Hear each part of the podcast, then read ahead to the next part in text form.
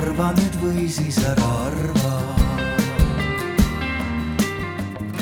tulemast äh, järgmise kaks tundi äh, sisustame tervisetehnoloogiate teemal.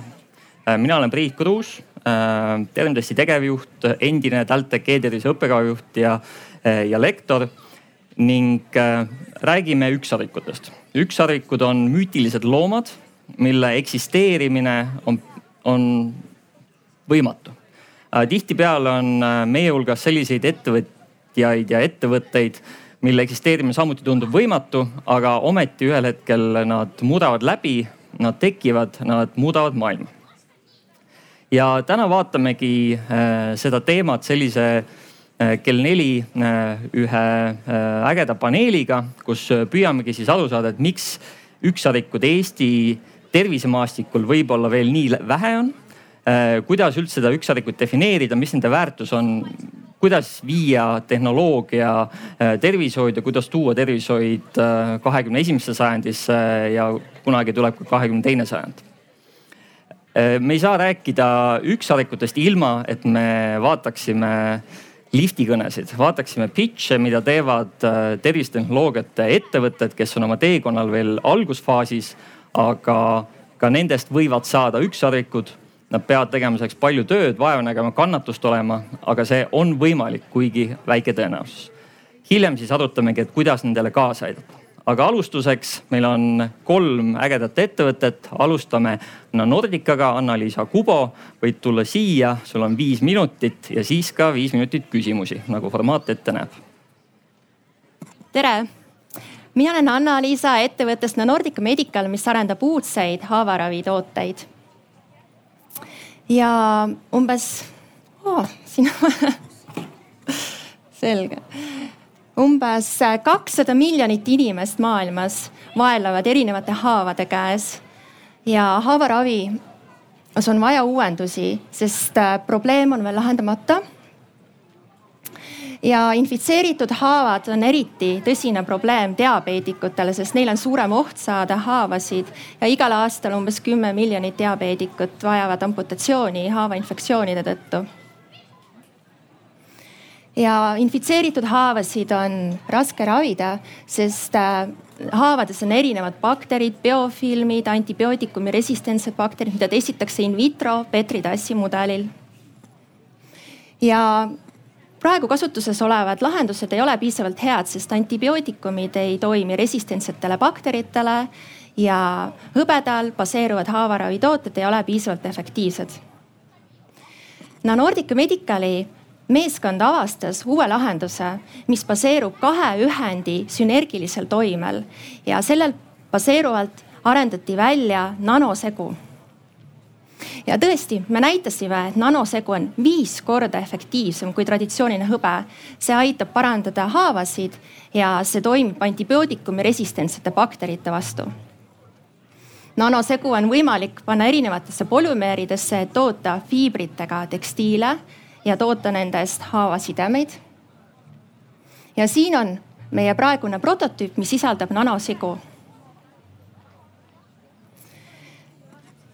meie välja töötatav haavaside äh, töötab siis põhimõttel, et me äh, paneme haavale äh, sideme, mis mugandub haavakujuga ja tänu haavasideme erilistele polümeeri omadustele on tal omadus tõmmata baktereid haavast antibakteriaalsele kihile, kus nad inaktiveeritakse.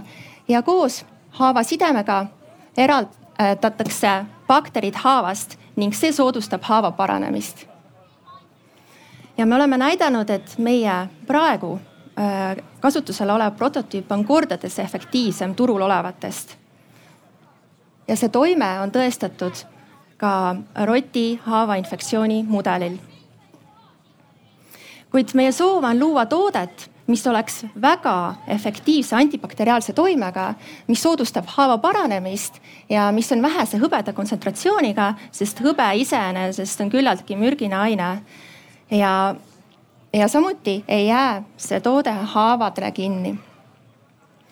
kuid nanosegu ei saa kasutada ainult haavasidemetes, vaid seda võib müüa ka toorainetena meditsiiniseadmete tootjatele ja ka koostisainetena saab seda kasutada salvides. ning äh, meie soov on siis müüa äh, litsentse meditsiiniseadmete tootjatele ja müüa tooteid haiglates, apteekides ja polikliinikutes Äh, kus siis meie lõppkasutajad, patsiendid on. Äh, haavaraviturg on kasvava tendentsiga ja kahe tuhande kahekümnendal aastal oli siis kaheksateist miljardit eurot. Ja meie soov on äh, minna turule arenguriikides ja Eestis valideerida turunõudlust ja teha esimesed müügid nendes riikides ja liikuda edasi Euroopa Liitu kasut-, kasutades Äh, arvamusliidreid ja maailmaturgudele, et saada uueks standardiks infitseeritud haavade ravis. Ja oma lahendusega pakume me lisandväärtust patsiendile, asutusele ja ühiskonnale ning äh, tõstame sellega äh, hüvesid tervisele ja majandusele. ja meil on suurepärane meeskond teadmistega teaduses ja arenduses, baas no, baasteaduses, nanotoksikoloogias ja infektsioonide ravis, äris äh,, regulatsioonides ja turunduses ja meil on suurepärased nõuandjad tervisetehnoloogias, ärimudelites, polümeertehnoloogias ja regulatsioonides. otsime koostööpartnereid ja suur tänu tähelepanu eest. suur aitäh, Anna-Liisa. Nüüd küsimused kas on julgeid alustajaid? Terje, käsi on püsti. kohe jõuab sinuni mikrofon. nii, tere, aitäh. Tundub huvitav, aga mis see eriomadus on, mis neid baktereid sealt välja tõmbab? Ja kas te nendele nanoosakestele ka teete eraldi toksilisuse teste, sest nad kipuvad väga kergesti imenduma? ja ähm see tehnoloogia põhineb äh, hõbedal osaliselt ja tal on lisaaine juures, äh, mis soodustab selle hõbeda äh, joonide vabanemist. Ja need mõlemad ained on kasutuses meditsiiniseadmetes, äh, kuid mitte veel koos. ja ja me oleme teinud äh, neile, sellele nanosegule eraldi ka toksilisuse uuringu äh, ja näinud, et, äh, et, et võrreldes hõbedaga on, on sellel, kuna me oleme vähendanud ka hõbeda kontsentratsiooni, on meie nanosegul vähem toksilist mõju rakkudele mm. -hmm. Taavi ja aitäh. Eh, kuidas teil selle intellektuaalse omandi kaitsega läheb, et kas olete leidnud Eestist abilised, kes seda aitavad teil teha või, või olete kuskile mujale ka vaadanud?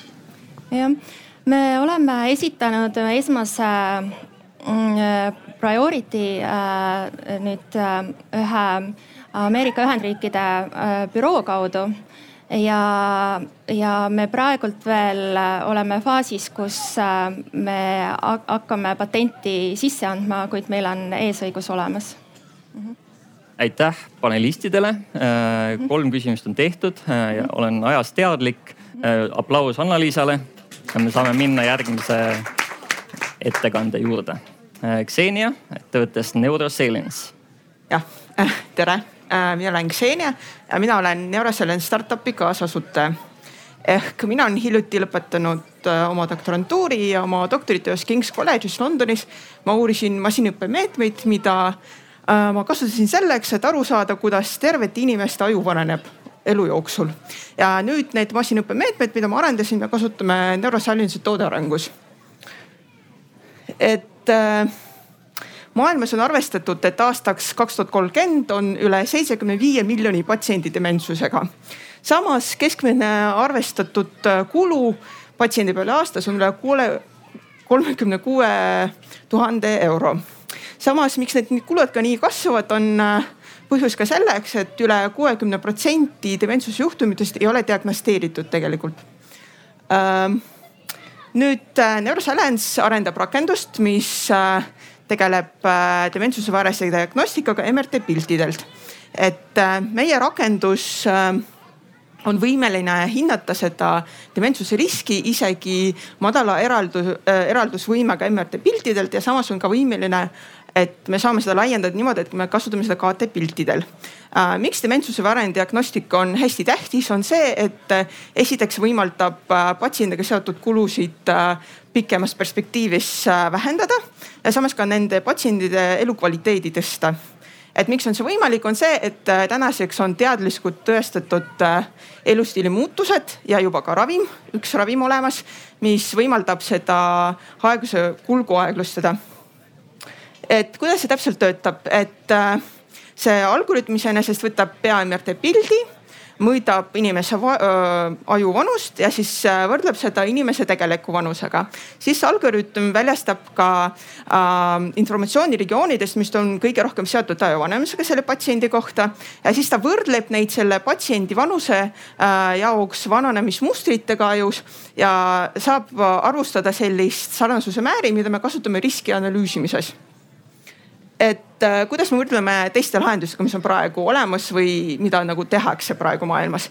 et äh, kliinilises keskkonnas on hästi tähtis, et äh, MRT pilte iga kord ei tehta täieliku võimaliku eraldumisvõimega, sest et nad lihtsalt säästavad aega ja raha.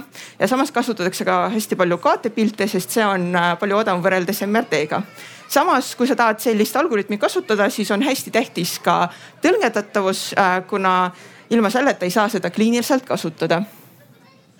et äh, meil on päris suur turg, et me alustame Euroopast ja meile esmane selline turusegment on eratervishoiuasutused ja selline turusegment on äh, üle kahe miljardi euro väärt Euroopas ja peale seda me plaanime teha koostööd äh, riiklike tervishoiusüsteemidega ja selline turusegment Euroopas on üle kolmeteistkümne miljardi euro praegu et äh, meil on hästi hea meeskond, et meie eesmärkideni jõuda, et koos minuga meil töötab ka tehniline direktor Michael ja Michael on äh, tarkvara arendusinsener, kellel on üle kuue aasta kogemust äh, efektiivsete ja suure jõudlustega rakenduste arendamises. samas hiljuti meiega liitus meie ärinõustaja professor Andy Bordeaux, kes on maailmas tuntud tehisintellektiga tegelevate äridega arendusega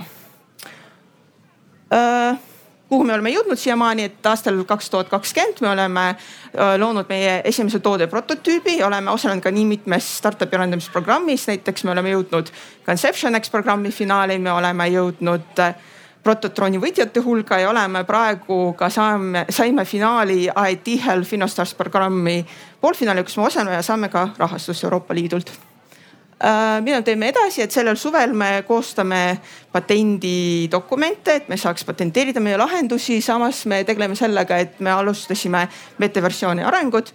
et selleks, et äh, sügisel me plaanime käivitada meie esimest kliinilist, äh, kliinilist pilootprojekti et edaspidi laiendada meie tiimi ja samas aastal kaks tuhat kakskümmend kaks me loodame ka käivitada oma tegevusi selleks, et saada regulaatoorseid lubasid lõppude lõpuks jah, et, äh, et meie eesmärgini jõuda, me aktiivselt otsime partnereid ja koostööpartnereid, et toodet valideerida ja ka edasi arendada. et kui kellelgi on ideed, siis teretulnud ja meie esimene investeerimisraund tuleb ka järgmine aasta, kaks tuhat kakskümmend kaks. jah, aitäh. suur aitäh, Xenia äh,. väga teaduspõhine ettevõte. kas meie valdkonna ekspertidel on küsimusi? Karl, palun. tere, aitäh, väga huvitav Äh, ma sain aru tegelikult, et äh, see kliendisegment on siis välja mõeldud, aga kuidas te olete te ka mõelnud sellele, et kuidasmoodi te sinna müüte või mis see väärtuspakkumine kindlustustele ja, ja äh, sinna segmenti on? jah, et noh, kuna me oleme päris noored, me veel töötame selle nimel, tegelikult ma ei saa teile praegu sellist äh, täisaruanne teha, et me teeme nii, nii, nii ja see väärtus on täpselt selline, kuna noh, et, et sellist äh, nagu hinnamudelit välja töötama, me peame mm, omandama mingit partnerlust mingi haiglaga ja siis täpselt vaatama, mida nad täpselt teevad ja siis selle baasil me teeme väärtusmudeli ka aitäh, äh, räägi natuke sellest kliinilisest äh, katsetusest, et kuidas te üritate oma väärtust tõestada ja kas te teete koostööd ka mõne Eesti ettevõttega või Eesti haiglaga? Jah, me praegu suhtleme PERHiga ja suhtleme, suhtleme ka Lääne-Tallinna Keskhaiglaga äh, Eestis. et äh, samas äh, proovime ka UK-s rääkida haiglatega. et äh, noh, esimesel etapil selliste algoritmide selline noh see ei ole nagu probleem, lihtsalt see on reaalsus. see, et neid tavaliselt arendatakse uurimismeetmete baasil ehk miks see tähendab, et need andmed on hästi head kvaliteeti ja seal on ka sellised superpatsiendid nii-öelda, kes vananevad hästi-hästi ideaalselt. et neid andmeid nagu kasutades me arendame seda mudelit, vaid äh, me peame nagu teha kliinilise piloodi, et näidata, et see algoritm on ka, töötab ka kliiniliselt äh, korjatud andmetel, mis on nagu reaalsed ja reaalsed patsiendid on. viimane küsimus ma kuulsin just hiljuti uuringust, kus äh, varase dementsuse diagnostikas kasutati seda, et lihtsalt kontrolliti, kui hästi inimene kuuleb kuuekümne aasta vanuselt. ja kui ta oli mürakeskkonnas, tema kuulmine oli halvenenud keskmisest, siis oli väga suur tõenäosus, et tal mm -hmm. areneb dementsus, et mulle tundub, et äh, siin ütleme, kui niimoodi hinna kalkulatsiooni teha, siis seda kuulmist on ilmselt odavam mõõta, kui teha üks aju MRT lihtsalt screening uuringuna kõikidele inimestele, kes pere perearsti juurde tulevad mm. -hmm jah, selline uuring on täitsa olemas, ma olen ka sellest lugenud, aga siin peab aru saama sellest, et äh, nagu dementsuse nii-öelda selline lai screening ja selline nagu varese diagnostika täpsuse parandamine on, on eraldi nagu turusegmendid tegelikult praegu. et äh, me ei aimagi nagu seda mõelda, et okei okay,, me teeme MRT pilte kõigile Eesti elanikule, kuna see on päris kallis ja MRT skännerid on lihtsalt päris vähe maailmas tegelikult.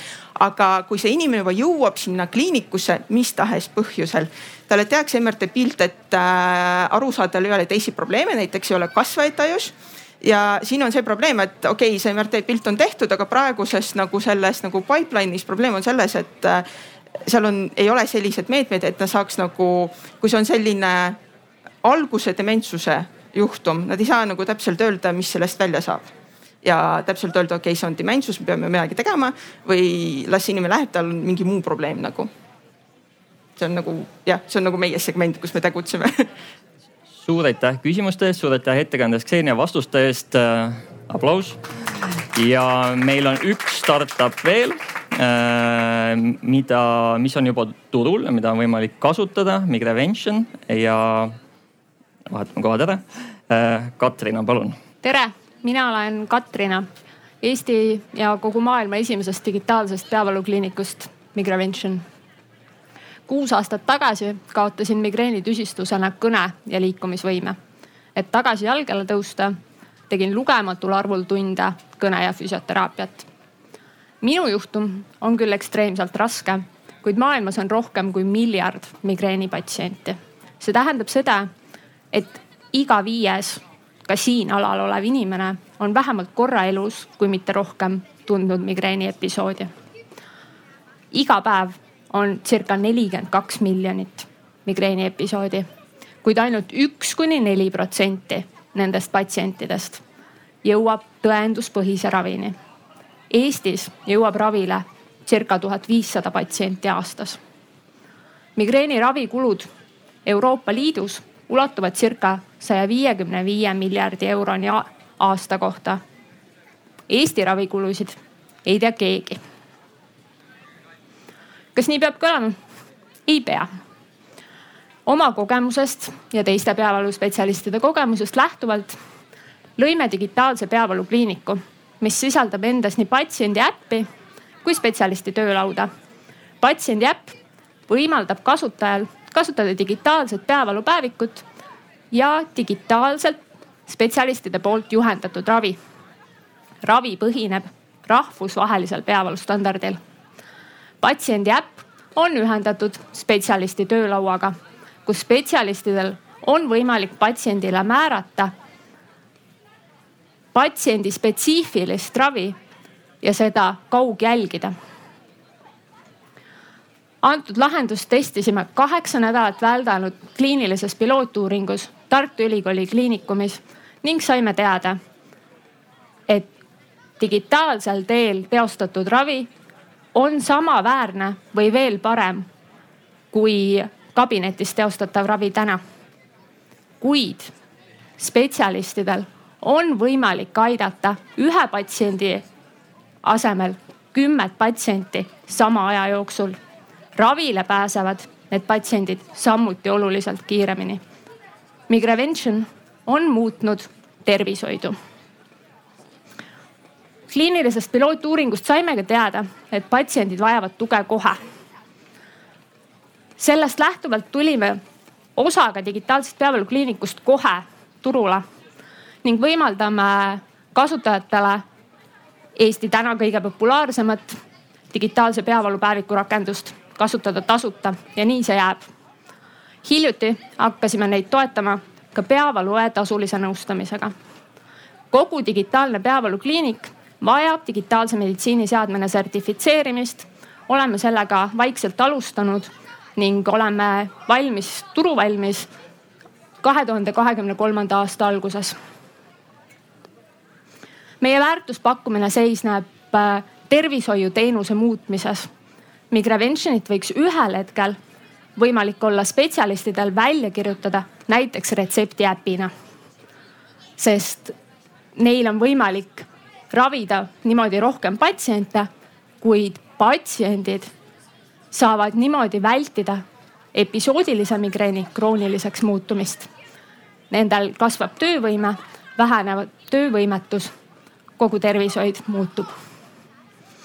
Migreventioni järgmised sammud sisaldavad endas kliinilisse uuringusse minekut, Eestist väljapoole liikumist, meie vastu on tõsist huvi tundnud Poola ning meditsiiniseadmena sertifitseerimist. Migrevention koosneb äh, Eesti parimatest peavaluspetsialistidest.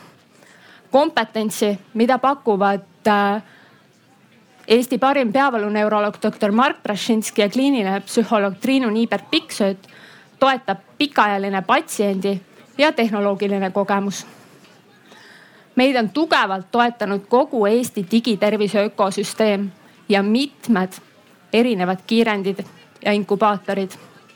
oleme väga tänulikud koostööle nii Eesti kui rahvusvahelisele patsiendiühinguga ja peavaluspetsialistidega, kuid peame väga väärtuslikuks äh, koostööd Tartu Ülikooli Kliinikumiga.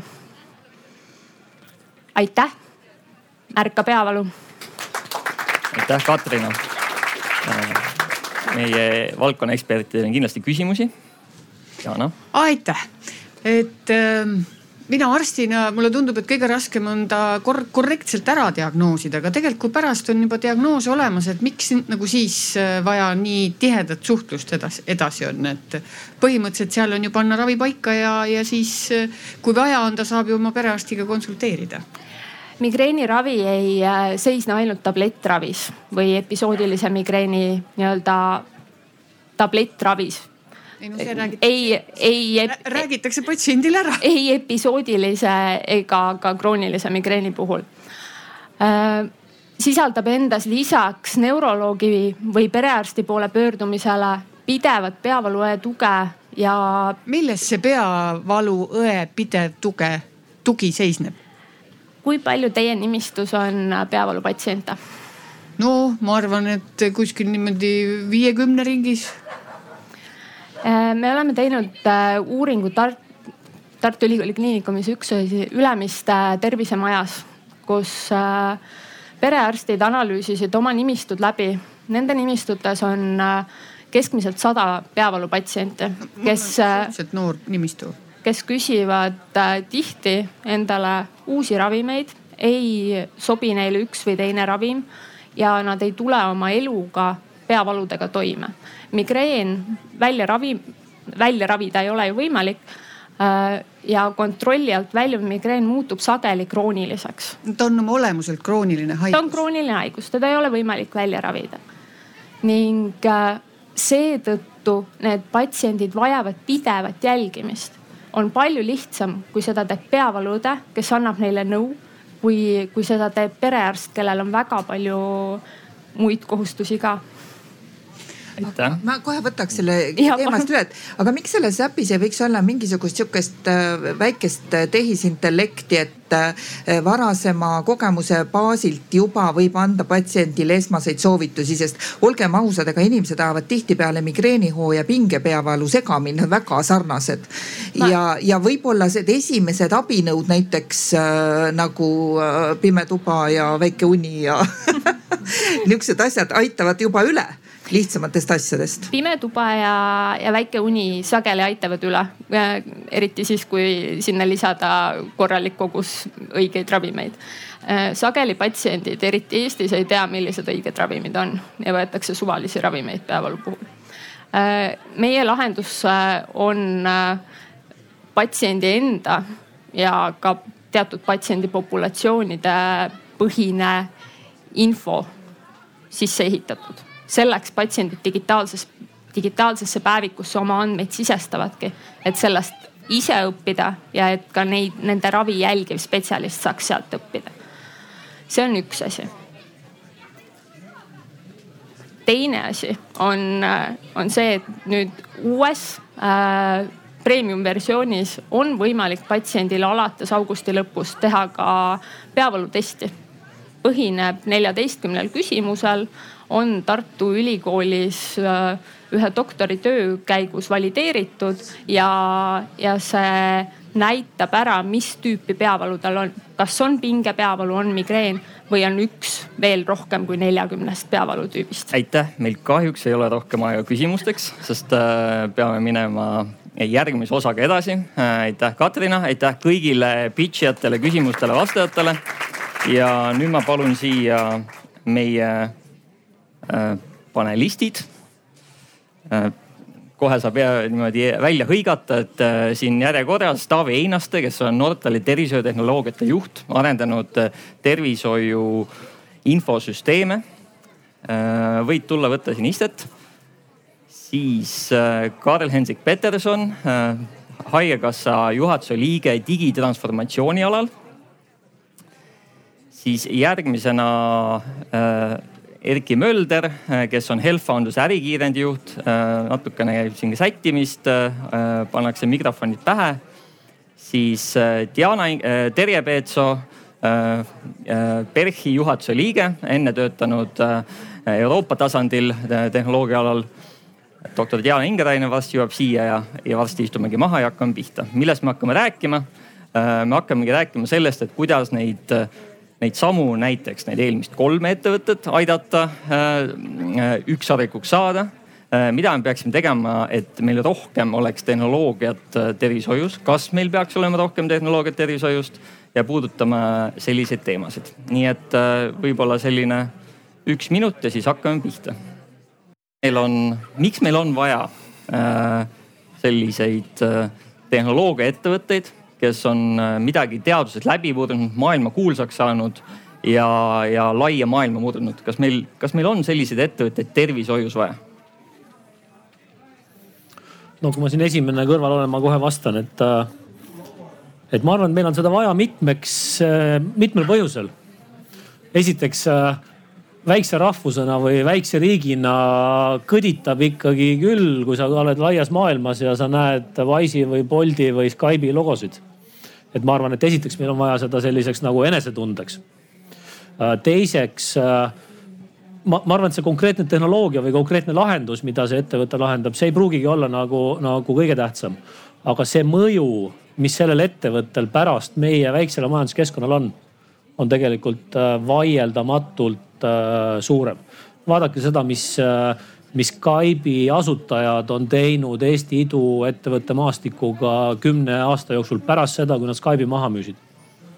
Need miljardid või sajad miljonid, mis nad said, nad on suure osa sellest tegelikult investeerinud tagasi ja me näeme sedasama asja toimumas ka praegu, kui me räägime Boltist, kui me räägime Wise'ist, kui me räägime, räägime teistest valdkondadest ja, ja mis on nagu oluline, on minu meelest nagu see, et suur osa sellest rahast ei lähe teistesse sektoritesse.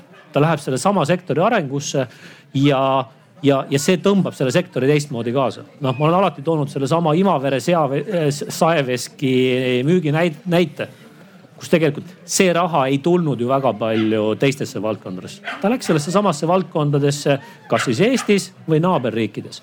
aga kui meil õnnestuks tekitada üks selline suur ettevõte siis läbi selle tegelikult äh, Eesti-sugune väike majanduskeskkond tõmmatakse kaasa aga kui vaadata teist poolt äh,, doktor Ingerainen, et äh, igapäevaselt peate tehnoloogiat rakendama ja, ja tõenäoliselt on seal hulgas nii sellist kaasaegset tehnoloogiat kui ka seda, mida kasutati sada aastat tagasi ka äh,.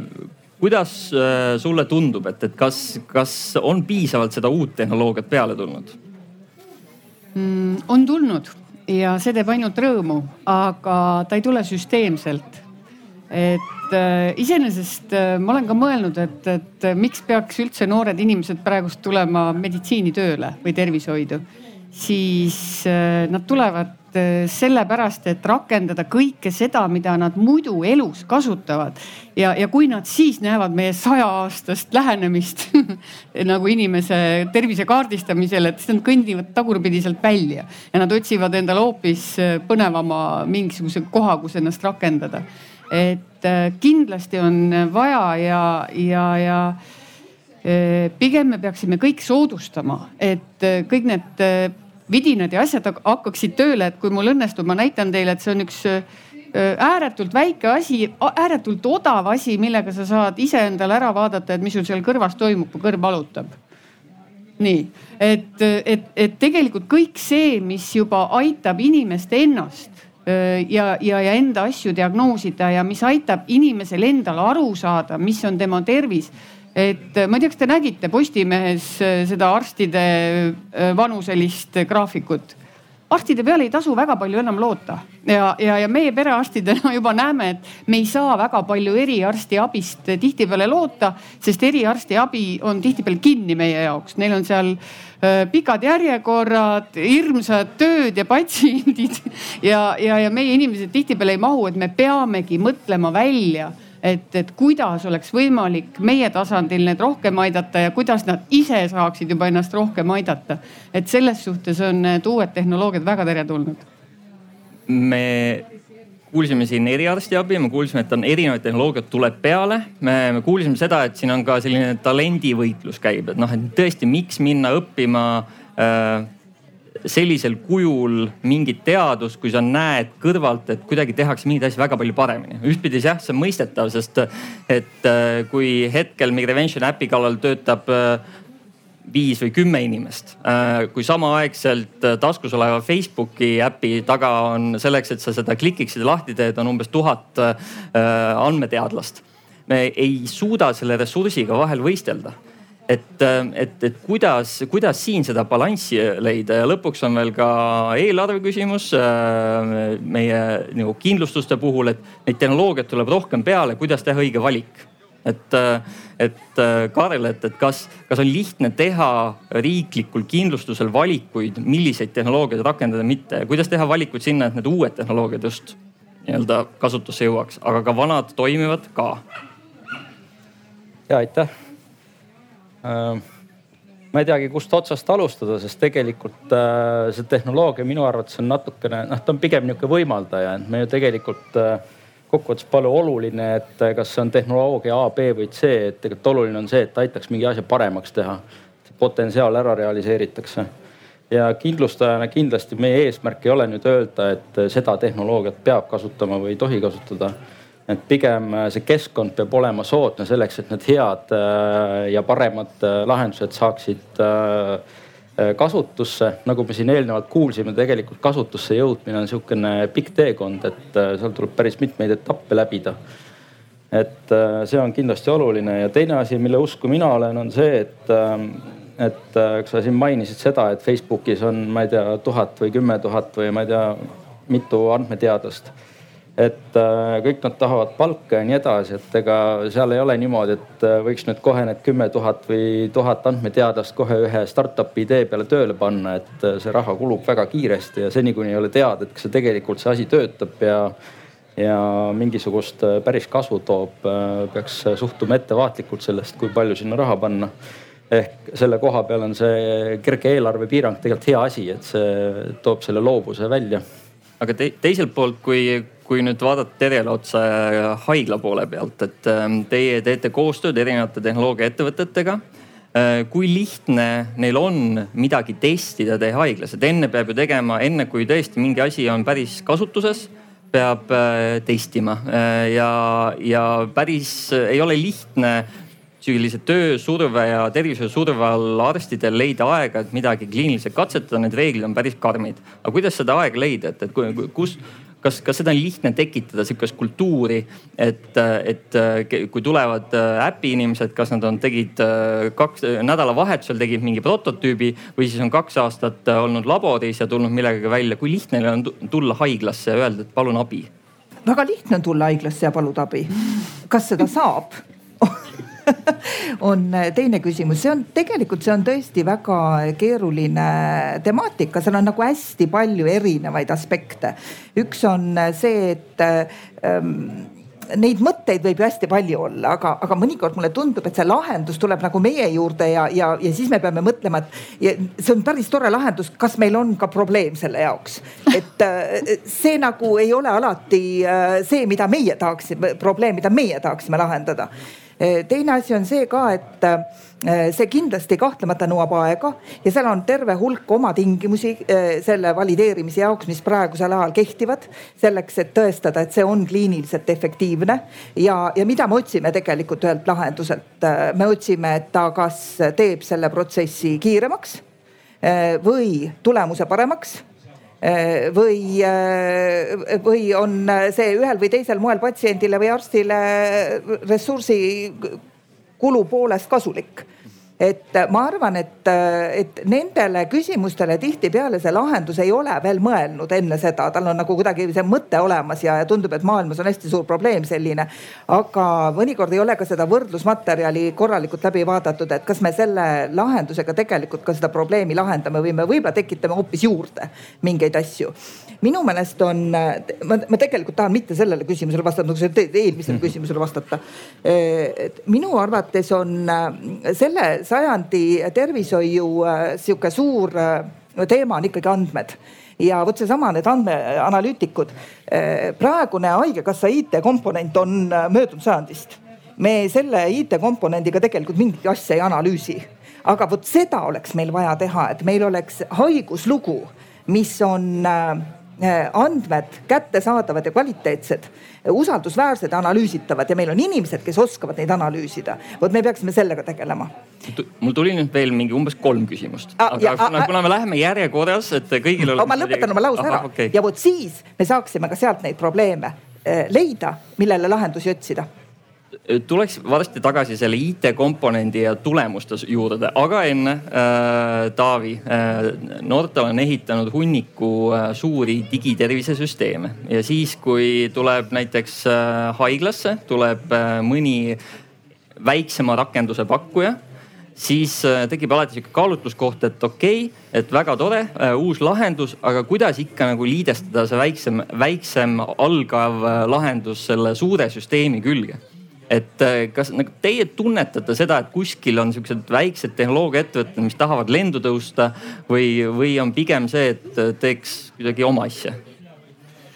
Ehm, tunnetame, et on selliseid ettevõtteid ja, ja aeglaselt aeg-ajalt satuvad ka meie ukse taha, lisaks haigla ukse taha äh,, haigla ukse taga käimisele ja noh, meie vastus on neile tihtilugu üpris nagu lihtne, et, äh, et me hea meelega teeme, kui haigla arvab, et seda oleks vaja teha et me oleme selles mõttes selline äh, noh, veidi võib-olla passiivse loomuga teenusepakkuja, et, et noh, päeva lõpuks ikkagi haigla kui tellija otsustab, mis on tema prioriteedid.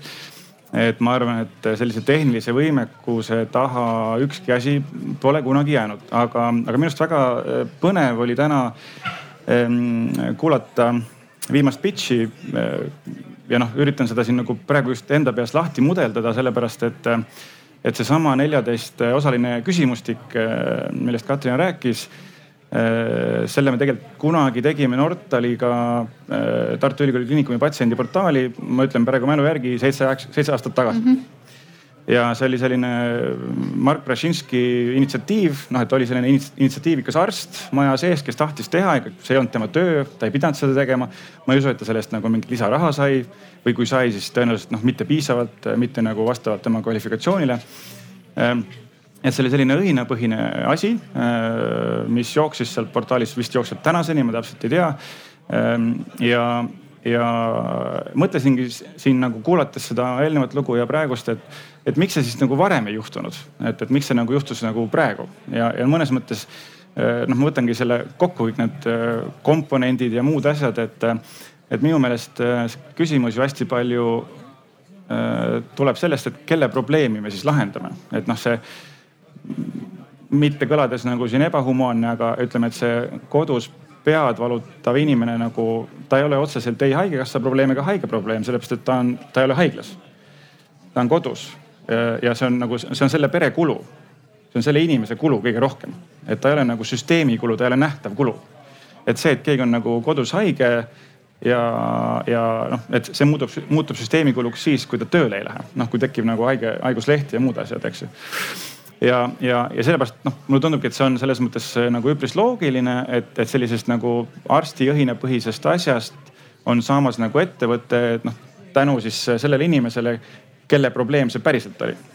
et, et noh, et see nii-öelda süsteemiväline kulu eh, tuuakse nähtavale sealt. ja, ja noh, siin ongi, ma arvan, noh seesama noh, meie väikse ja, ja mitte veel väga rikka riigi probleem, eks ju, et, et noh, arusaadavalt ei haigla ega ka haigekassa ei saa noh, täna kõiki neid probleeme, mis on sellest tänasest eelarveraamistikust väljas, hakata nagu ise lahendama, eks ju. et noh, neil ei ole selleks lihtsalt ressurssi, mis iganes komponendi alt see nagu võiks käia. ja, ja, ja noh, selles mõttes ma arvan, et, et, et need need oskused ähm, ja tehniline võimekus ja noh, ma usun ka nagu teaduslik meditsiiniline võimekus on, on tihtilugu olemas. aga meil ei ole seda äh, vedajat, sest et äh, noh, mul on tunne, et kui me mõtleme tänase kolme nagu pitch'i peale, siis äh, noh, kaks neist on nagu sellised, kus see kulu on tegelikult nagu süsteemiväline, eks ju et noh, kui plaaster on tõesti selline asi, mis on kõige rohkem võib-olla süsteemis sees, aga needsamad eh, dementsusega inimesed, noh, see on ka tihtilugu tegelikult ju selline noh, väga kaudselt nagu ühiskonna kulu läbi selle, et lähedased ei käi tööl, eks ju, ja inimene ise ei käi tööl. ometi on see sama süsteem, et on, on näidatud arvutusega äh, haavaravi, kohe näide tuua. Võrumaal tehti selline kalkulatsioon, et kui inimese, äh, tal on diabeetiline haavand, äh, see ravi ei ole korralik, inimene jalg tuleb ära lõigata, amputeerida, siis esiteks üks asi on see, et inimese oodatav eluiga kohe laksust kahaneb kaks korda. nii teine ja teine asi, mis nagu arvutused välja tõid, on, on, et kuuskümmend viis või isegi seitsekümmend protsenti kõikidest nende kuludest, mis selle inimese äh, ka käsitlemiseks, tema heaolu jaoks tehakse, teeb kohalik omavalitsus, mitte tervishoiusüsteem mm. -hmm mitte, mitte siis nii-öelda haigekassa, mitte nii-öelda nii-öelda süsteem, aga tegelikult süsteem on üks. ja, ja, ja Taani näiteks ühelt poolt äh, vaadatakse Eesti poole, me oleme, meil on efektiivne tervishoiusüsteem. teiselt poolt näiteks Taanis, kus on sotsiaal- ja tervishoiusüsteem on rahastatud ühest potist. noh, meil kogu aeg on kohalikud omavalitsused, haigekassa kuskil patsient ei tohi jääda sinna vahele. Taanis on süsteem rahastatud ühtemoodi kogu sellel organisatsioonil on nagu stiimul, et ahah, me peame hoidma seda inimest tervena, siis ei teki hiljem kulusid. hetkel on see, et on, on, on risk, et tervishoiusüsteem ütleb, et nüüd me ei saa enam tegeleda, sest meil ei ole siukseid stiimuleid ja see kandub äh, koha, äh, kohaliku omavalitsuse süsteemi poole. kuidas seda nagu vahet ületada, et kas kellelgi on ideid, et, et mis, mis me peaksime tegema, et, et kas noh päris kindlasti tuleb esmatasandi tervishoid ja sotsiaalhoolekande teenused integreerida, et praegust on nad täiesti eraldi ja me ei vaata inimest kui tervikut, et me vaatame omasid asju, sotsiaalpool vaatab, et mis sotsiaalhoolekandeteenuseid vaja on, seda peab vaatama tervikuna. Ja, ja, ja et kuidas nüüd need täpselt kokku viia, meil on olnud väga hea tulemuslik projekt on, mis ta oli, sotsiaalhoolduskoordinaator projekt, mis siis tõi ühe inimese meie ja sotsiaal, meie siis esmatasandi tervishoiu ja sotsiaalhoolekande teenuste vahele ja see toimis. et tegelikult äh, praegu töötavad need kaks süsteemi täiesti lahus ja, ja niikaua, kuni nad töötavad täiesti lahus, et äh, kõik algab sellest, et kui inimene pöördub ühte kohta, tervist, nimi, Diana, vanus ja, ja läheb teisse kohta, kõik hakkab otsast pihta, see kaardistus, siis väga palju on dubleerivaid asju, mis niikuinii me kinni maksame. et, et mina leian, et me ilma nagu selleta ei saa, et, et me paneks need asjad kokku. et meil on ka haigekassaga käimas äh, selline inimese tervikvaatlus äh, nagu riskipatsiendi ravijuhtimise projekt, kus on juba see sotsiaalhoolekande pool sees et, et mina leian, et sellega tuleb nagu ruttu ja kiiresti edasi minna, et, et tegelikult me maksame rohkem, kui me teatud asjad ära dubleerime. ja, ja me peame hakkama vaatama, et, et mis on need teenused, mida ta tegelikult vajab. See käivitas nüüd mingi ahela, kõigepealt Erki, siis Terje, siis Karl ja siis Taavi. ja, ja. Kuivõrd me täna räägime innovatsioonist ja, ja ka digilahendustest, ma ütlen, ma ütlen ka selle kohe välja, et, et, et see, see suund on hästi, no sellest me, me ei pääse sellest mööda, seda tuleb teha nüüd, äh, nüüd küsimus on järgmine see, et kuidas see nii-öelda see Eesti e-tervis või, või meie digiriik peaks sellele reageerima. Äh, ehk, ehk see küsimus on selles, et mida see e-tervis tähendas eelmisel sajandil, selle sajandi alguses ja mida see tähendab tulevikus. siiamaani on e-tervist meil üles ehitatud puhtalt selleks, et haigekassa saaks kontrollida tervishoiuteenuse osutajate poolt tehtud teenuseid. ehk ta on transaktsiooniline e-tervise süsteem. kõik arendused on selleks, peaaegu kõik, et toimuks kontroll selle üle, et raha ei läheks vasakule. mitte kunagi pole selle süsteemi eesmärk olnud kliiniline või meditsiiniline väärtus andmetel, seda keegi juba siin ütles, et me ei saa tegelikult sellest süsteemist kätte andmeid, et teha äh, kliinilisi mingisuguseid järeldusi, esiteks. teiseks mitte kunagi pole selle süsteemi eesmärk olnud research või arendus. pigem on probleem sealt andmeid kätte saada. Äh, ja kolmandaks ei ole kunagi seda süsteemi üles ehitatud sellisena, et kas Migravention'i tüüpi äpid või mõned teised äpid saaksid süsteemselt sinna liidestada. sest et nagu, nagu haigekassa esindaja ütles, riigil ei ole kunagi raha ja, ja, ja ka pointi teha panuseid ühele või teisele tehnoloogiale riik peab üles ehitama sellise ökosüsteemi, et kui siin on härra ja siin on, temal on investor, kes on valmis seda tehnoloogia riski endale võtma, siis see härra peab hüppama piltlikult öeldes kolmest või neljast rõngast läbi.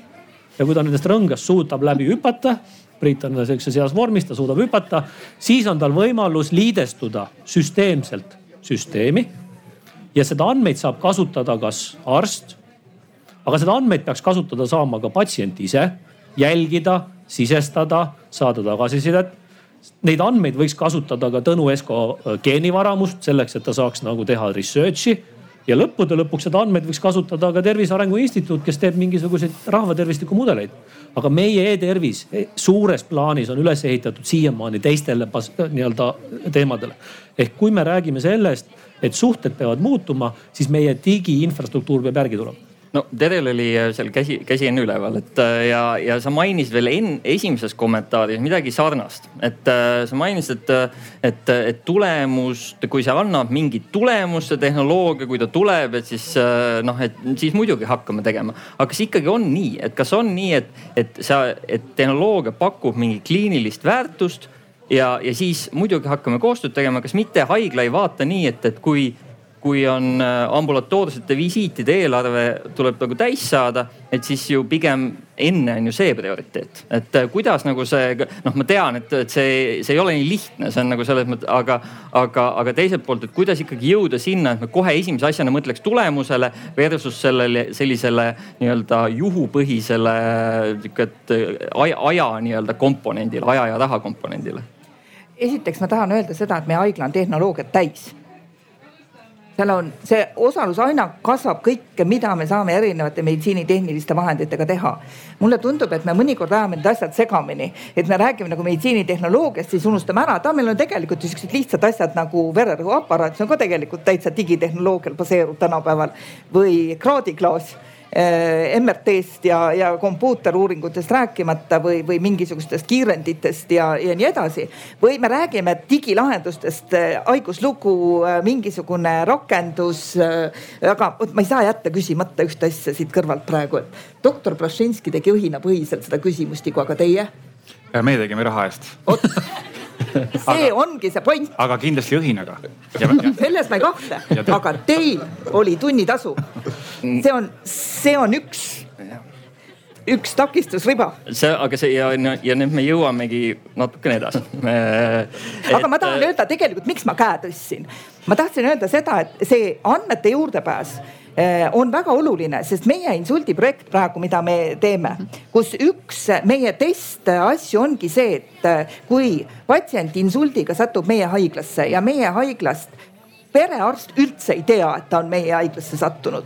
et kuidas seda kommunikatsiooni äh, edendada, sest mõnikord on niimoodi, et see inimene saabki kohe jalad alla meie juurest, läheb ära, kui me sekkumine on kiire, õigeaegne ja see kahjustus ei ole liiga ulatuslik mm. -hmm aga mõnikord ta vajab järelravi, ta jääb veel meie juurde ja ta läheb koju ja ta vajab ka veel järelravi. ja arvestame sellega, et meie elanikkond vananeb, meil on aina rohkem inimesi, kellel on mitu haigust WHO uuring, mitte väga vana, näitas, et üle kuuekümne aastastel inimestel on keskmiselt viis erinevat meditsiinilist seisundit. noh, ütleme niimoodi, et siit paneelist ma kohe vaatan, kahel on üks meditsiiniline seisund vähemalt, meil on prillid aga, aga enamikuga me saame hakkama, aga mõnedega on vaja kroonilist ravi mm, -hmm. regulaarset jälgimist ja, ja vot see oleks nüüd väga tähtis punkt, et kui me saadame selle insuldi saanud patsiendi kõik ravi saanud, võib-olla isegi taastusravi jutilt saanud meie haiglas kätte. ta läheb koju, et perearst teaks seda ja et sotsiaalvaldkond äh, ka teaks, et see inimene on tulnud, võib-olla tal on kodus vaja mingit kohendust teha näiteks, et ta saab ratastooliga liikuda, võib-olla tuleb ukse ja pakud madalamaks teha näiteks või et tal on kraanikauss liiga kõrge või et vannituppa üldse sisse ei saa või et WC-sse ratastooliga sisse ei saa. et vot kuidas kõiki neid asju jagada, et see info liiguks, see on hästi oluline, me testime selles valdkonnas ju Pipedrive'i lahendust aga. kus on hea identifitseerimise, autentimisega juurdepääsu teha. Diana, Dianale kommentaar. aga kuidas... minu arvates algab kõik sellest, et kelle oma on lugu et justkui haiglal on oma lugu, perearstil on oma lugu, tegelikult on see ju patsiendi lugu. Ja, ja kui me kõik kirjutaksime patsiendi lukku selles samas taustsüsteemis, mis ei muutu. Mina jään ikka naiseks loodetavasti.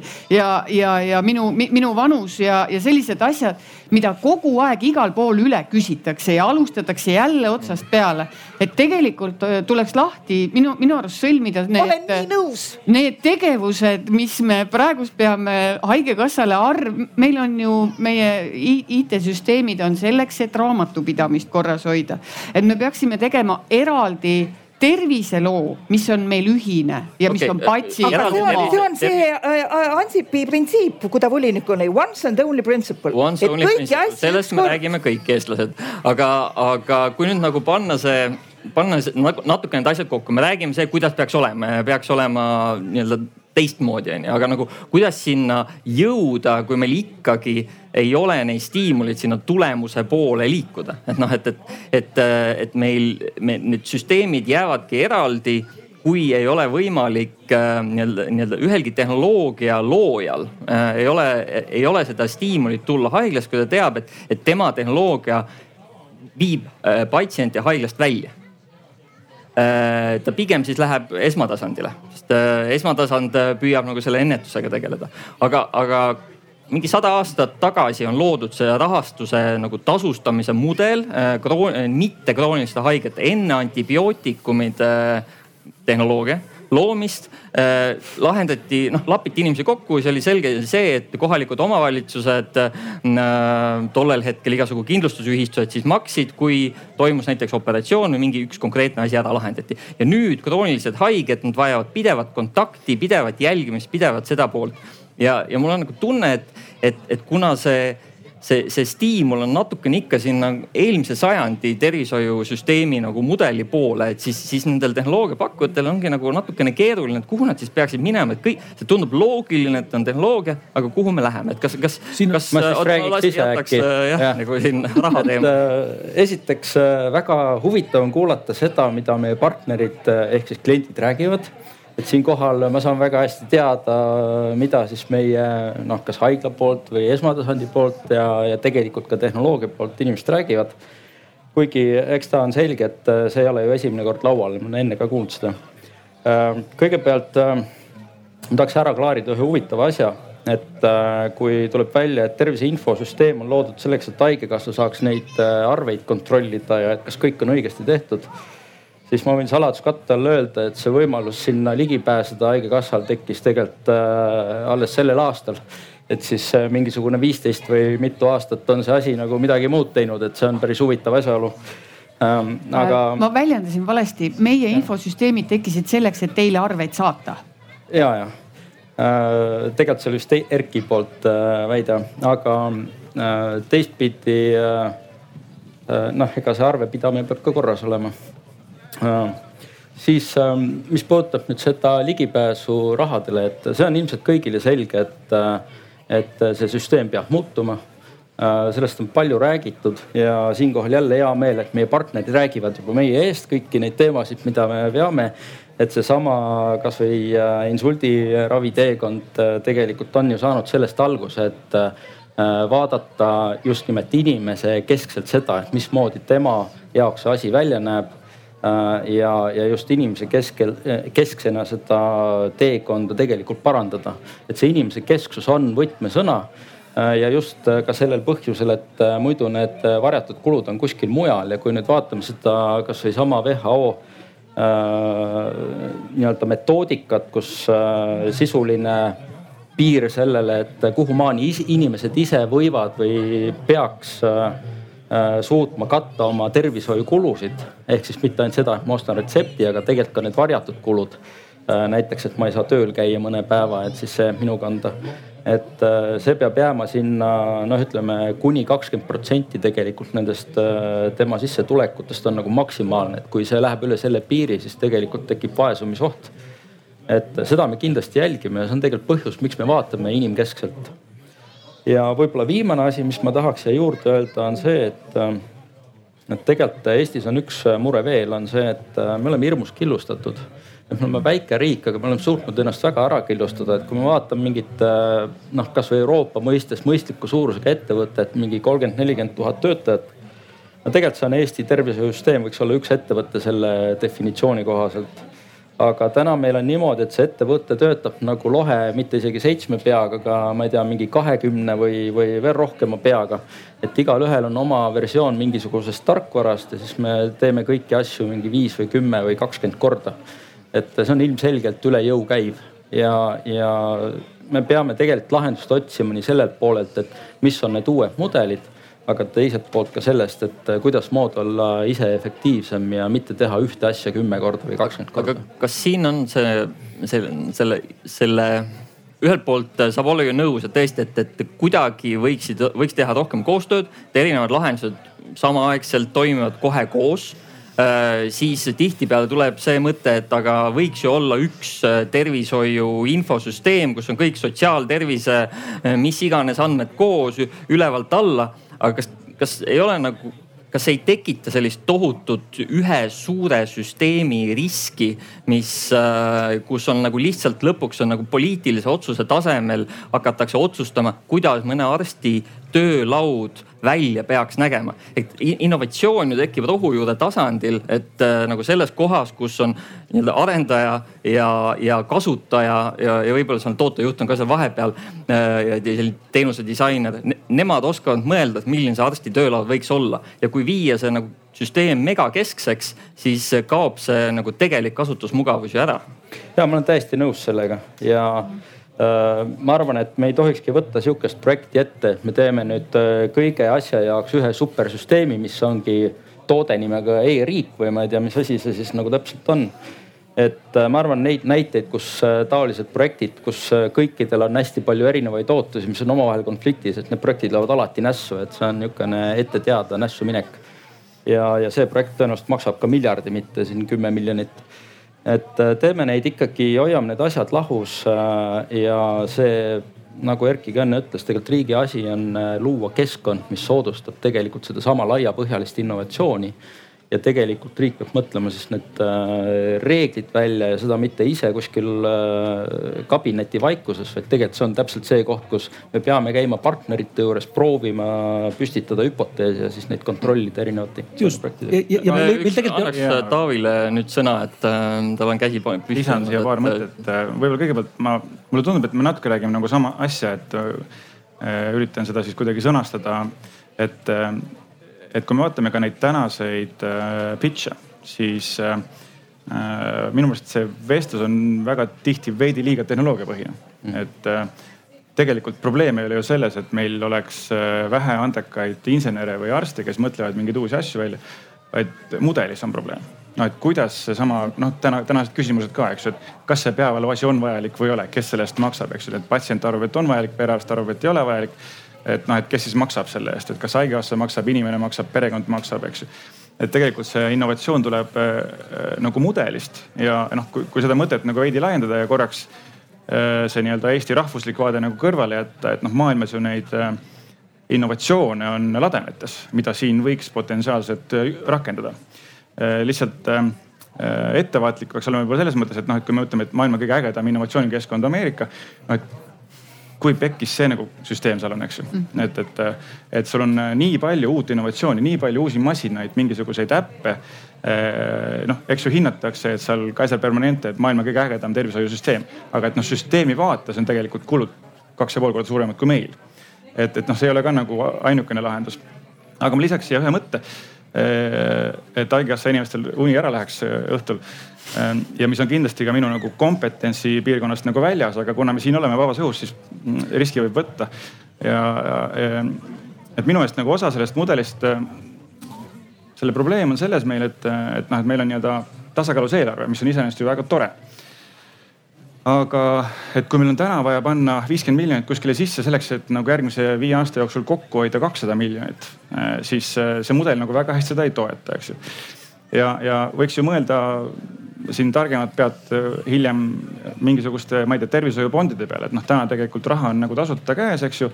et kui haigekassal oleks võimalus noh, kasvõi näiteks siis koos mingite erainvestoritega teha mingisugune selline instrument, et, et me võtame viiskümmend miljonit sisse, meil on nagu väga spetsiifiline asi, kuhu me selle raha täna paneme, meil on seal taga mudel, mis näitab, et äh, süsteemi tasemel noh, see nagu tuleb tagasi hiljem äh, mitte ainult haigekassa eelarve vähendamise mõttes, aga noh, ka riigi tasemel, eks ju riik võtab mingi commitment'i, et eh, noh, kui need tulemused on seal, et siis tuleb raha juurde.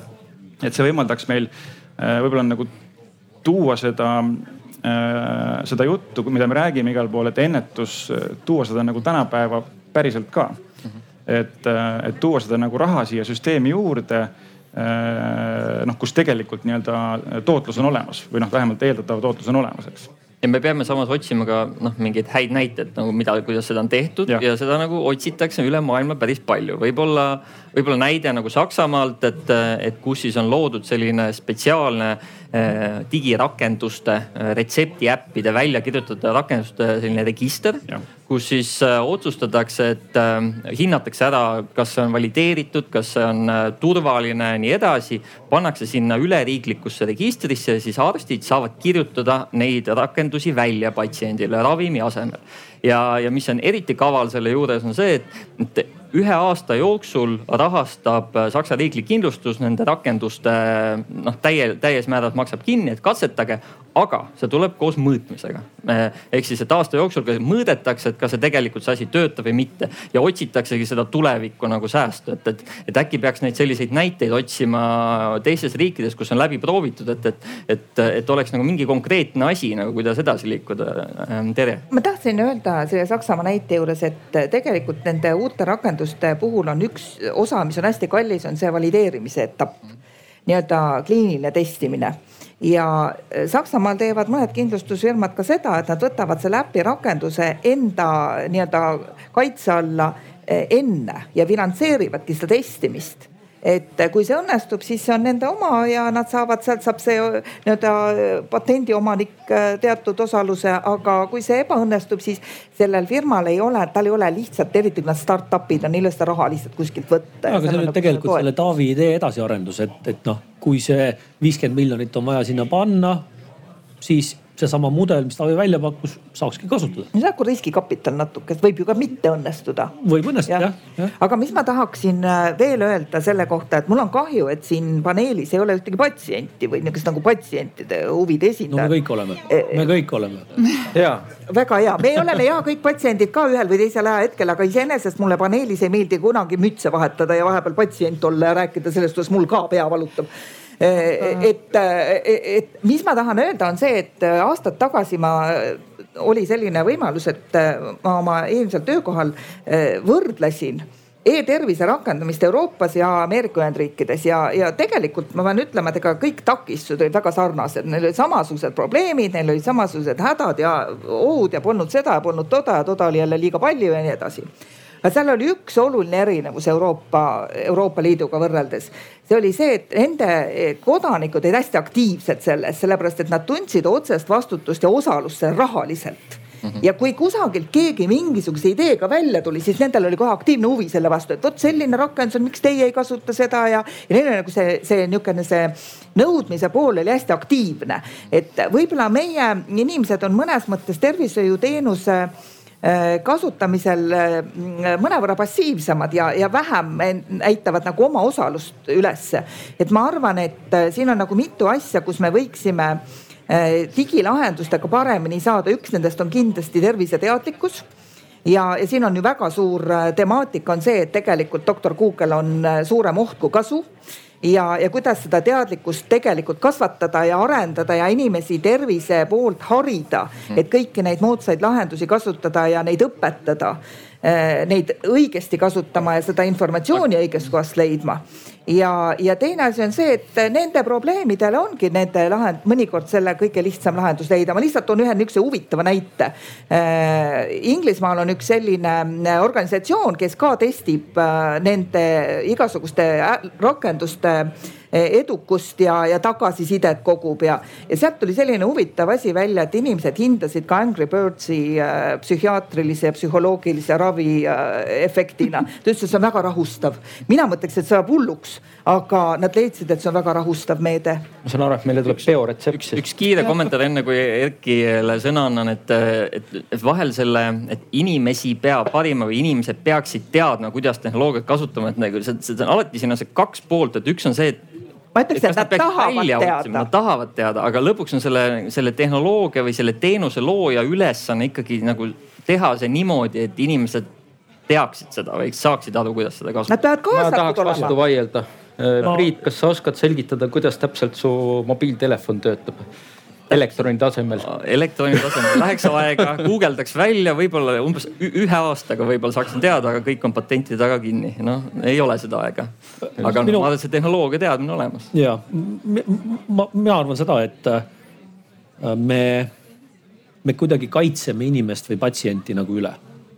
me kardame, et inimene jagab oma terviseandmeid liiga vabalt kõikidega, seepärast me oleme need kruvid hästi kinni keeranud me eeldame, et, äh, et inimesed ei oska ise oma otsuseid teha. seepärast meie regulatsioon on, äh, on keskmisest karmim Euroopaga võrreldes. me eeldame, et inimesed ei tea, mida andmetega teha, sellepärast meie GDPR-i reeglid on äh, paavstist pühamad. ja, ja, ja ma arvan seda nagu, nagu eriti veel võimendab see, et me riigina teeme minu meelest nagu liiga palju. me peaks palju vähem riigina tegema ehitama ökosüsteemi ja andma võimaluse mingis mõttes nendel tehnoloogia pakkud, pakkujatel äh, äh, võistelda ja leida see lahendus, mis töötab. ja siis riigina meil lihtsalt peavad olema reeglid, kuidas me Eestis need kasutusele võtame. nüüd eraldi teema, mis, mis on meil ka täna, täna nagu laual, on tegelikult see, et kuidas arendada seda Eesti tervisevaldkonna ökosüsteemi sellisena, et tehnoloogiaarendajad saavad, saavad nagu arendada, sest noh, kõik ükssarvikud on kunagi ju beebid onju ja kuskilt sa alustad, kuskilt riigist sa alustad. ja, ja üks väga huvitav raamat on hiljuti kirjutatud, mille nimi on Super Founders. selle kirjutas selline kodanik, kelle nimi on Ali Tamaseb. ja, ja ta tõi välja nagu, nagu need faktorid ja müüdid, kuidas need, need unicorn'id või ükssarvikud tekivad. ja kaks asja on see, mis tegelikult äh, äh, mille poolest unicorn'id eristusid teistest startup idest esiteks, nad alustaks, alustasid oma tegevust ülivalt generatiivsetes või uuenduslikes ökosüsteemides. Noh, California on nagu üks näide hästi-hästi selgelt, kus sul tegelikult kogu aeg kõik liigub, mitte midagi ei ole kindel, et äh, Californias on näiteks selline, selline nali, et äh, kuidas nimetatakse riskikapitalisti, kes esmaspäeval äh, toob toob endale viis triiksärki nagu triigituna keemilisest puhastusest onju. ja vastus on see, et ta on optimist, et ta loodab, et ta püsib nagu reedeni tööl onju. Äh, et esiteks oli, oli see äh, supergeneratiivne ökosüsteem on see eelis, kuskohast need suured ettevõtted tekivad. ja teine oli see, et need founder'id või, või asutajad on olnud tööl nii-öelda top ettevõtetes, oma sektori valdkonna liidrites. kõik muu on nagu müüt või, või see, et on college dropouts ja, ja nii edasi, et see kõik on müüt. Need kaks asja on põhiline ja kui me küsime nüüd seda, et mis on need eeldused, et need tehnoloogiad tuleksid Eestist, kas meil need kaks eeldust on nagu täidetud? kas meil tervishoiusüsteem on genera-, generatiivne? kas sealt tuleb uusi ideid, kas ta on nagu stagnatsioonis või, või pigem ei ole? Siis mina ütlen, et me oleme nagu skaala vales otsas absoluutselt. ja teine küsimus on see, et kas me ühiskonnana suudame tegelikult siia tõmmata talente kes nagu oleksid töötanud nendes suurtes ja heades ettevõtetes, kes on seda kogemust nii-öelda omandanud, siis ma ütlen, et noh, siin me oleme nii ja naa, et me, me tegelikult täna Euroopast juba suudame neid talente võtta, me enam ei ole nii, nii ksenofoobid väljapoolt Euroopat veel mitte. et meil on nagu mingid elemendid olemas, et need tehnoloogiad ei tuleks ainult Iisraelist ja USA-st ja UK-st. aga meil on siin palju veel nagu minna ehk, ehk vähem riigi sekkumist. selged reeglid ökosüsteemi osalistele ja arendame seda, seda generatiivsust mm. ja uuendus, uuendusmeelsust. Kas, kas... Et äh, selles suhtes ma olen hästi nõus, et ega meil seda vaba kava palju ei ole, et meil öeldakse ette, et äh, nii palju peab olema sul töötajaid, nii palju peab olema sul raha ja, ja, ja nii palju sa pead seda tegema või toda tegema tegelikult võiks see tõesti tunduvalt vabam olla. et äh, palun Inge-Rainen, siin on su patsiendid, siin on su raha ja palun mulle tulem et oleks nii palju tervist juures. et kes oleks jälgitud, äh, ravimid ilusti sätitud, tüsistused vähendatud, kehamassiindeksid alla toodud ja, ja palun väga. aga praegust on meie leping on hästi-hästi niimoodi täpselt kirjas, et. sa pead arveid kogu aeg väljastama. ja kogu aeg saadan arveid ka välja, et aga... kõik tükid on kogu aeg ilusti loetud. perearstid on isegi natuke millise süsteemiga sa pead täpselt seda kõike tegema seal sa saad ise valida, et kui sa leiad parema ja efektiivsema süsteemi, siis sa võid seda kasutada. aga näiteks taanlased äh,? ei ole näiteks, et mul peab olema kindlasti kaks pereõde minu juures ja. tööl sel- ja, ja sa annad mulle täpselt sellise summa ette. see, kui mina näiteks võtan, oh Erki käest sihukese tehnoloogia ja teen selle töö ühe õega ära, aga maksan talle tunduvalt rohkem, aga samas kulutan selle raha äh, IT peale, sellega sa ei ole nõus mm.. siis sa ütlesid, ahah, kõik kodutöö tegemata tagasi. taanlased ongi teinud seda, Taani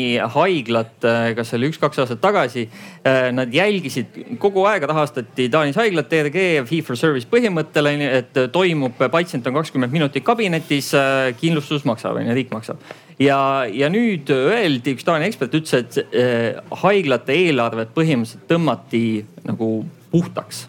haigla saab konkreetse hulga raha ja ta peab oma oma regioonis, äh, Taanis veidi teistmoodi, oma regioonis olevad patsiendid ära teenindama. ja ta ei pea, ta võib otsustada seda, et ta tõesti võtab ühe arsti asemel kolm pluss tehnoloogia, aga sest ja ta ei pea nii-öelda seda arvel kirja panema, et äh, oli kakskümmend minutit see patsient se, äh, selle, selles ruumis ja, ja, ja Eestis on ju Hiiumaa näitel, jah, Hiiumaa on mingil määral kinnine regioon ja ta on aga väga pisike ja, ja sihuke ökosüsteem, aga Hiiumaa näitel on seda tehtud, et on, on põhimõtteliselt peaks neil olema võimalik võimalik otsustada, et aga miks nagu palgata kallimalt mandrilt arste, äkki äh, õdesid, äkki neil nagu võimestada neid tehnoloogiaga ja nii edasi, et.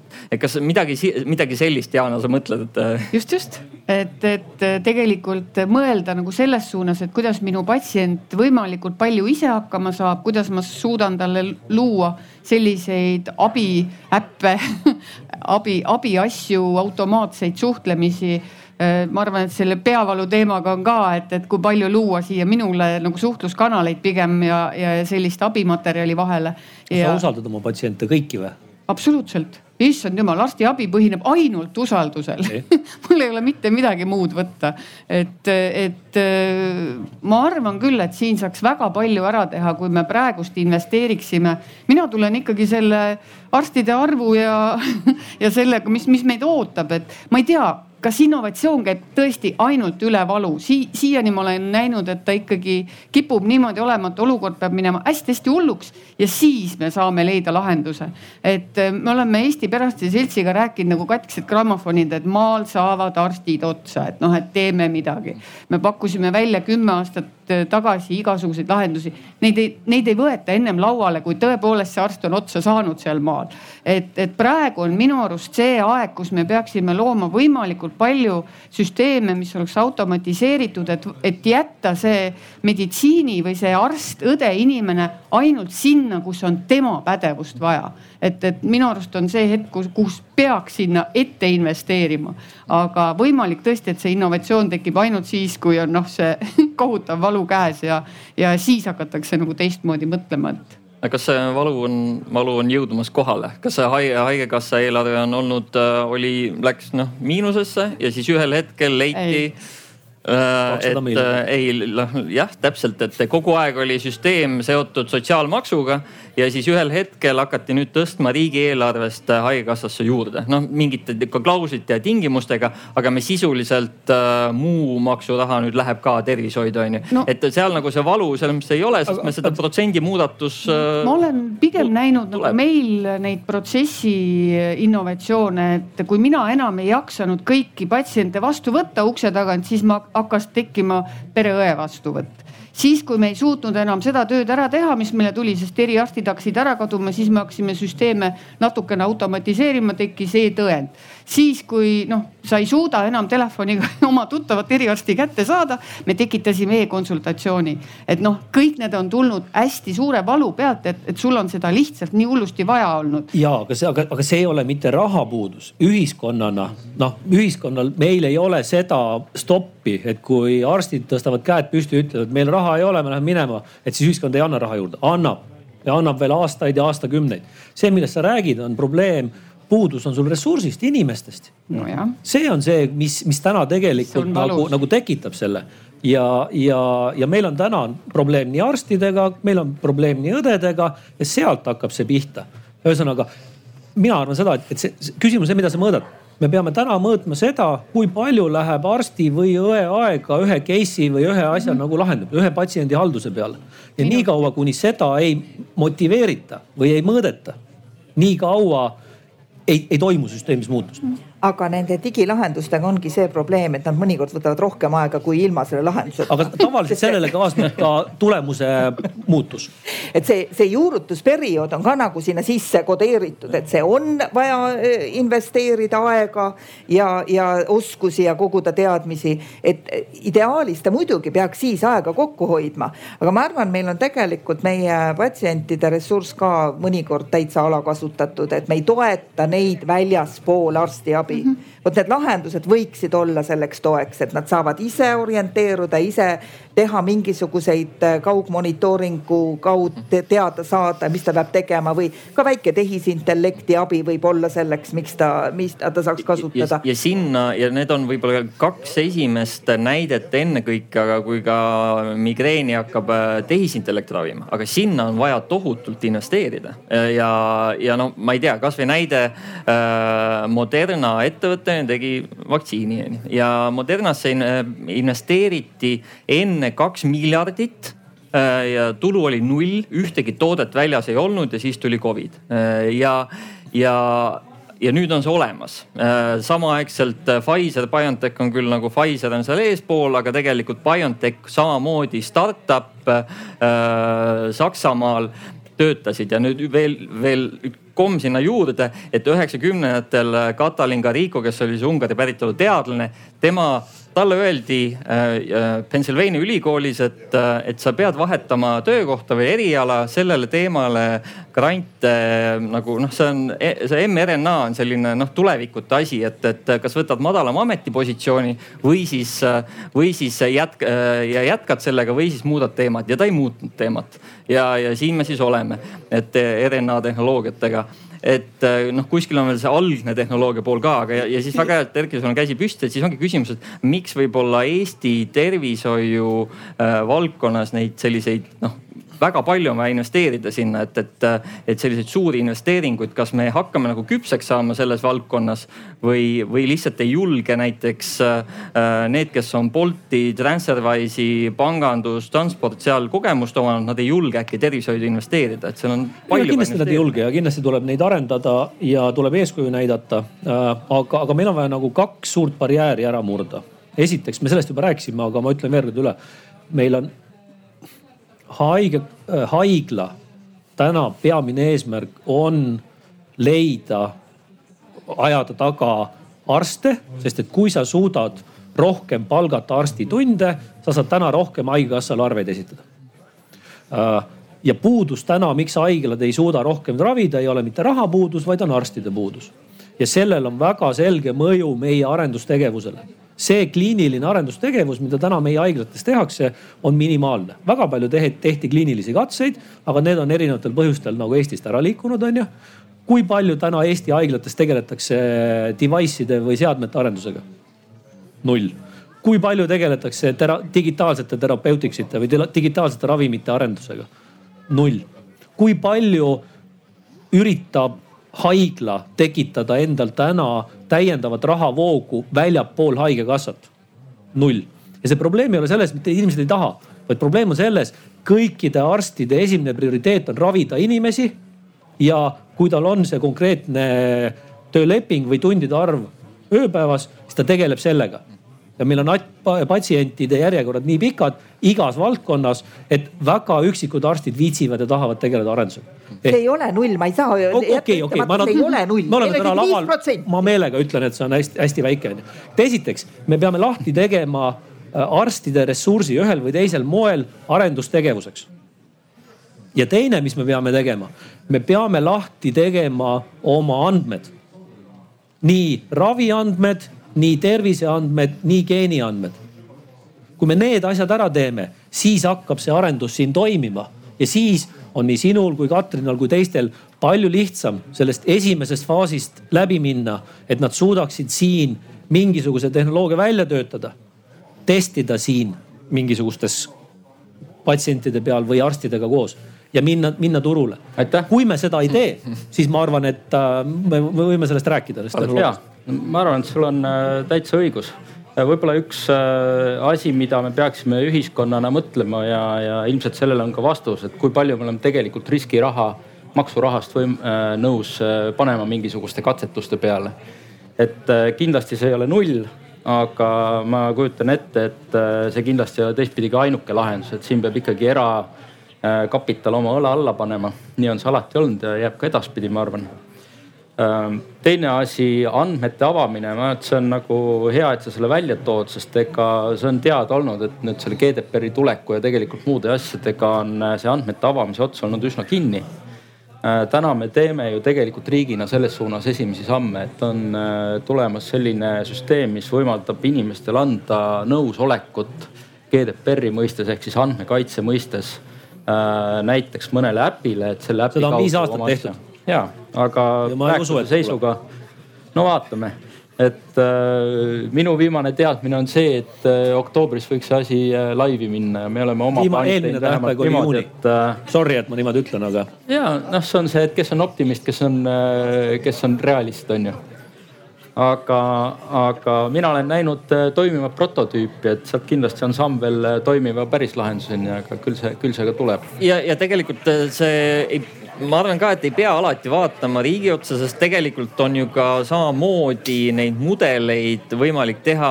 teistes noh andmeid. meil ei, minu meelest meil ei ole ikkagi nii puudust andmetest, kui me räägime, et mm. äh, lihtsalt on võib-olla seda oskust nagu andmete nagu kasutamist, et, et, et, et me andmed automaatselt ei tee teenust, et enne ongi vaja just seda, et, et, et sellel arstil või, või tervishoiutöötajal või ükskõik kes süsteemis töötab, et kui tal, tal tuleb pähe, et oh, tahaks teha midagi teistmoodi siis tal ei oleks nii palju barjääre selleks katsetamiseks. et, et, et nagu nii, nii haiglates kui perearstikeskustes, et eh, oleks, oleks võimalik seda katsetamist teha ja see katsetamine ei pea ju olema selles mõttes ka noh, selline, et lihtsalt katsetame, vaid see saab ju olla kliiniliste uuringute põhine ja kontrollitud, on ju. seal on üks nüanss tegelikult on see, et me peame nende katsetuste juures vaatama ka kultuuri, et kas tegelikult see kultuur nii tervishoiuasutustes kui mujal toetab sellist mm -hmm. katsetamist mm -hmm. ja proovimist. ma tean, et Jaanal on niimoodi piloot piloodi ja projekt projekti otsa perearstikeskuses, aga kuidas on PERHis, et ka nagu kuulda päris palju pilootitamist? no see ongi see asi, et väga tahaks, et see piloot lõpeb ükskord päris elus rutiinse rakendusena. et kui me lõpmatuseni testime ja testime, siis äh, see on, see kuidagi nagu ei ole tõestanud oma äh, vajadust igapäevatöös seda niimoodi teha et äh, kui ta testperioodil see rakendus või lahendus, mis iganes me seal äh, testime, osutub äh, tulemuslikuks, siis ta peaks ju igapäevatöösse minema, mitte pikendama testperioodi. Aga ma tahan nende andmete kohta öelda seda, et ma olen täiesti nõus, meil ei ole üldse mitte vähe andmeid, meil on väga palju andmeid, lihtsalt ei oska nendega midagi teha noh. tähendab, nii ka nüüd ei ole, et see on nagu see, et meil on null protsenti, ei ole nii, oskame küll, aga me võiksime teha nendega oluliselt rohkem.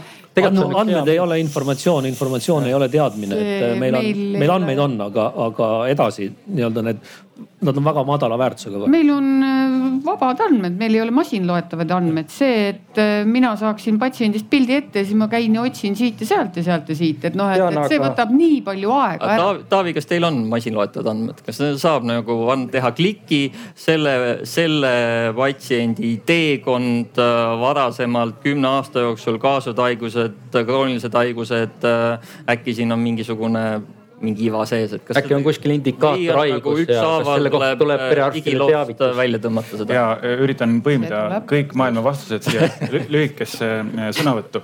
Ähm, äh, õnneks ütleme, selline masinõppe või, või kunstliku intelligentsi areng on olnud päris kiire, mis tähendab seda, et et noh, ka need andmed, mis on seni olnud, ütleme masinloetamatud vaba tekst või isegi pilt, isegi käekiri, noh, on muutumas tegelikult järjest rohkem masinloetavaks, et selles mõttes ähm, seal nagu tehnoloogia ise nagu on seda probleemi lahendamas, et, et kui jällegi äh, meil on nagu soovi noh, mingit moodi neid andmeid nagu visualiseerida või, või sedasama nagu pilti tekitada, et et tehnoloogiliselt äh, täna kindlasti palju parem seis, kui oli kümme aastat tagasi või isegi viis aastat tagasi aga, aga see on päris kallis, et, et, et noh, ilmselt küsimus nagu süsteemi jaoks ongi see, et noh, et mis on see lisaväärtus, eks ju, et kas see on siis see nii-öelda arsti aeg äh, ja, ja noh, kuidas see, kuidas see tootlus seal on.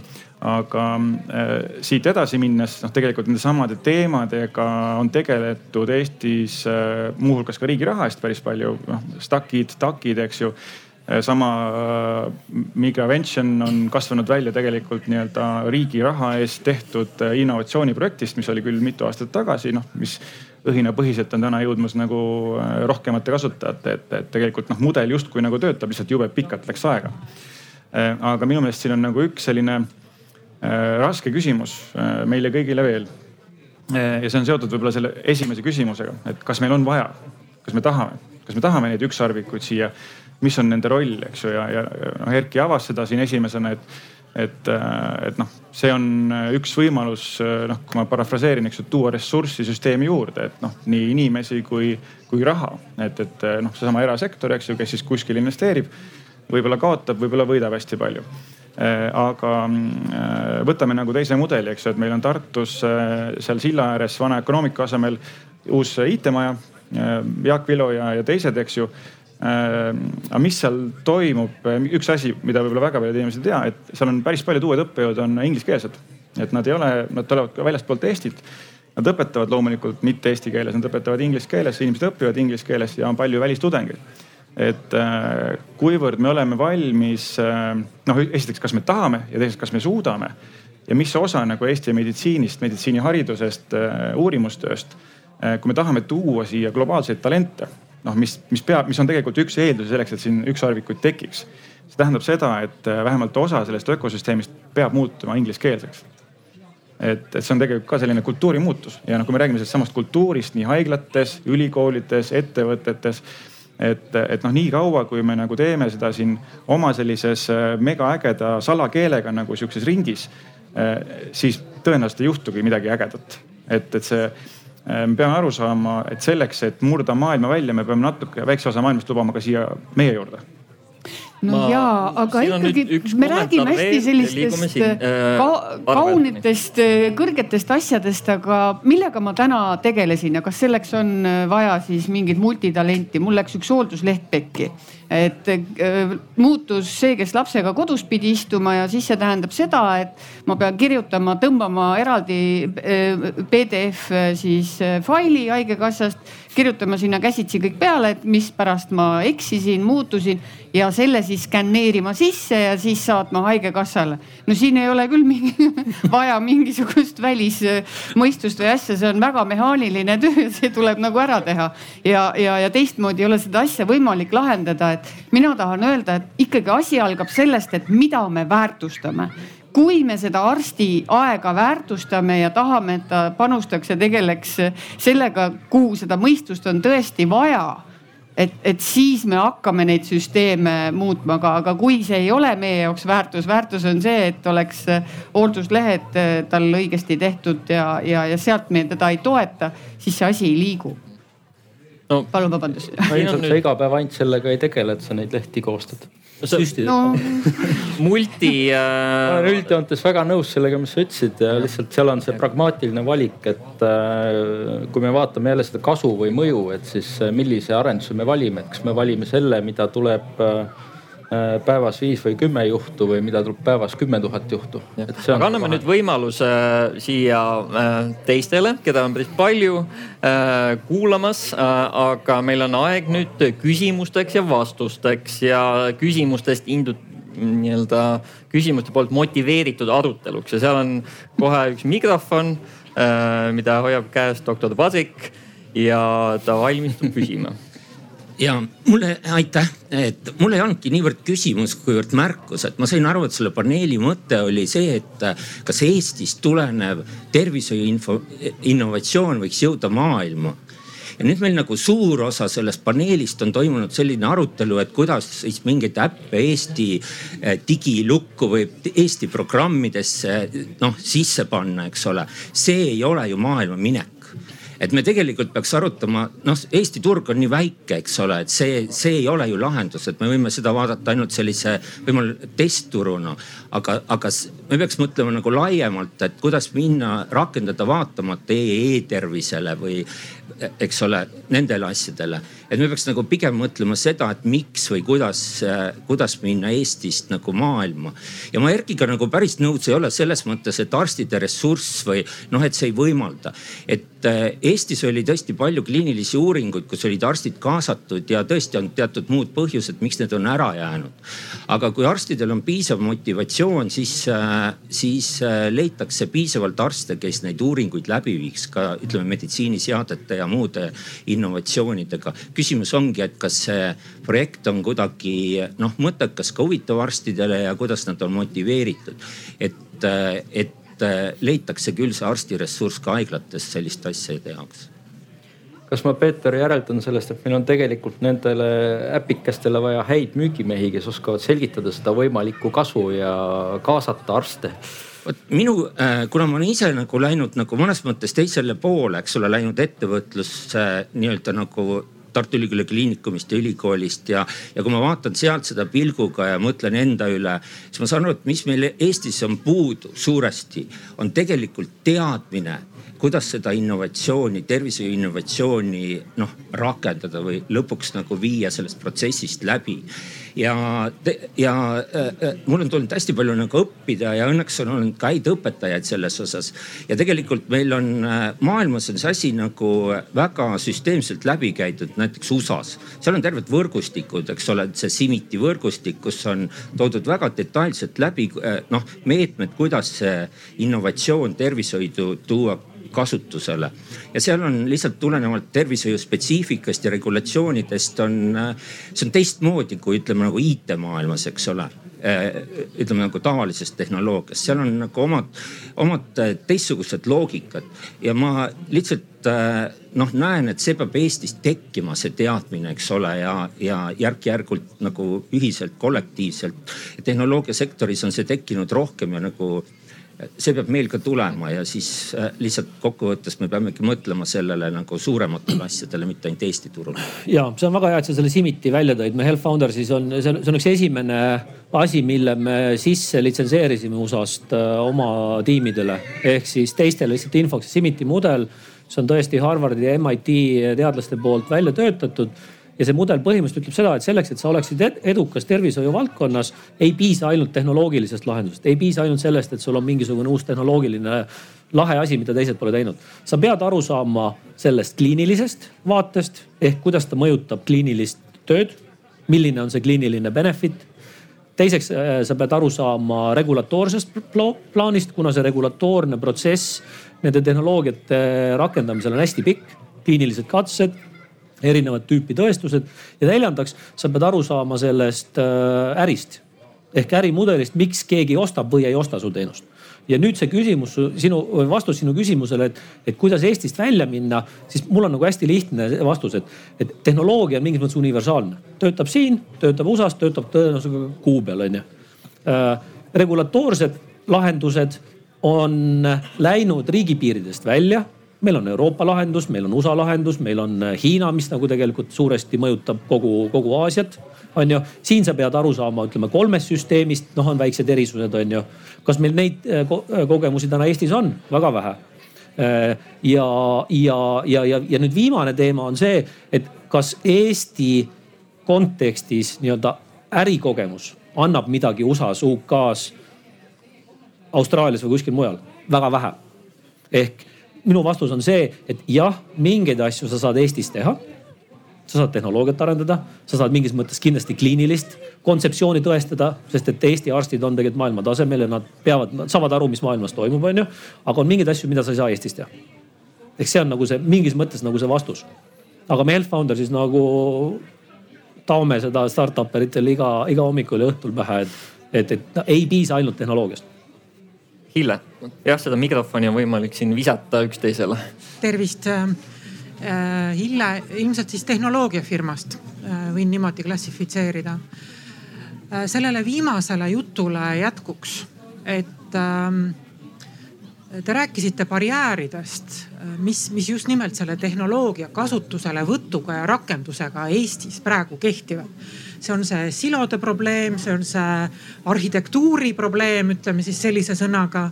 et ei saa panna nagu ühte rakendust toimima, sellepärast et näiteks seda ei toeta kas rahastamine või, või andmete kättesaamine või midagi sellist kas ma võin siis püstitada hüpoteesi, et kui tehnoloogiline lahendus on hea ja ütleme, et ta on tõendanud ennast nende tervisetulemitega ka, et äh, järgmine peatus on kosmos metafoorina ehk siis Eestis välja töötatud väga head lahendused. Võiksid tegelikult unustada selle sebimise siin selles kohalikus süsteemis ja minnagi hoopis siis mingitele turgudele, kus äh, on nende jaoks vastuvõtlikumad tingimused. Ma saan praegu aru sellest intriigist, aga kas põhimõtteliselt me võime nii eeldada, et kui sa Eesti süsteemis ei suuda ennast sinna mainstream'i sisse süüa ja seda, seda väärtust pakkuda. et miks sa siis ei tee seda kuskil mujal? mis on teie arvamus? ja ma arvan, et äh, niimoodi ettevõtte arengu, ettevõtte väärtuse arengu vaatepunktist äh, täpselt nii ongi. et tegelikult see, ma arvan, et äh, nii-öelda haigekassa haiglatest läbimurdmiseks kulutatud energia, ma kujutan ette, on Eestis umbes äh, noh, samas suurusjärgus nagu see on Soomes või Saksamaal või, või, või noh, mingis muus riigis, mis on veidi suurem, eks ju. mis tähendab seda, et, äh, et selle aja pealt saadav äh, tulu, noh, see suhe on hoopis teine. et noh, ma arvan, et et, et iga nagu startup'i jaoks ratsionaalne otsus ongi tegelikult minna kuskile mujale. et noh, nagu Erki ütles, et kliinilist arendust võib teha, eks ju, et tõestada mingisugust meditsiinilist mõju või tulemit, aga, aga nagu investeerida, ma ei tea, kaks või kolm aastat sellesse, et, et nagu saada ennast kuskile nimekirja, saada see teenus nagu tasuliseks et, et ma arvan, nagu see rahaliselt ei ole nagu mõistlik tegevus, et ta on pigem selline founder itel emotsionaalne noh, mingi kodu lähedal äh, asja tegemise mõte, eks ju. Et, äh, et sellel noh, ma arvan ka, et kui sa lähed Saksamaale ja ütled, et, et ma saavutasin nagu Eesti Haigekassaga lepingu, noh, see tegelikult väga ei veena kedagi.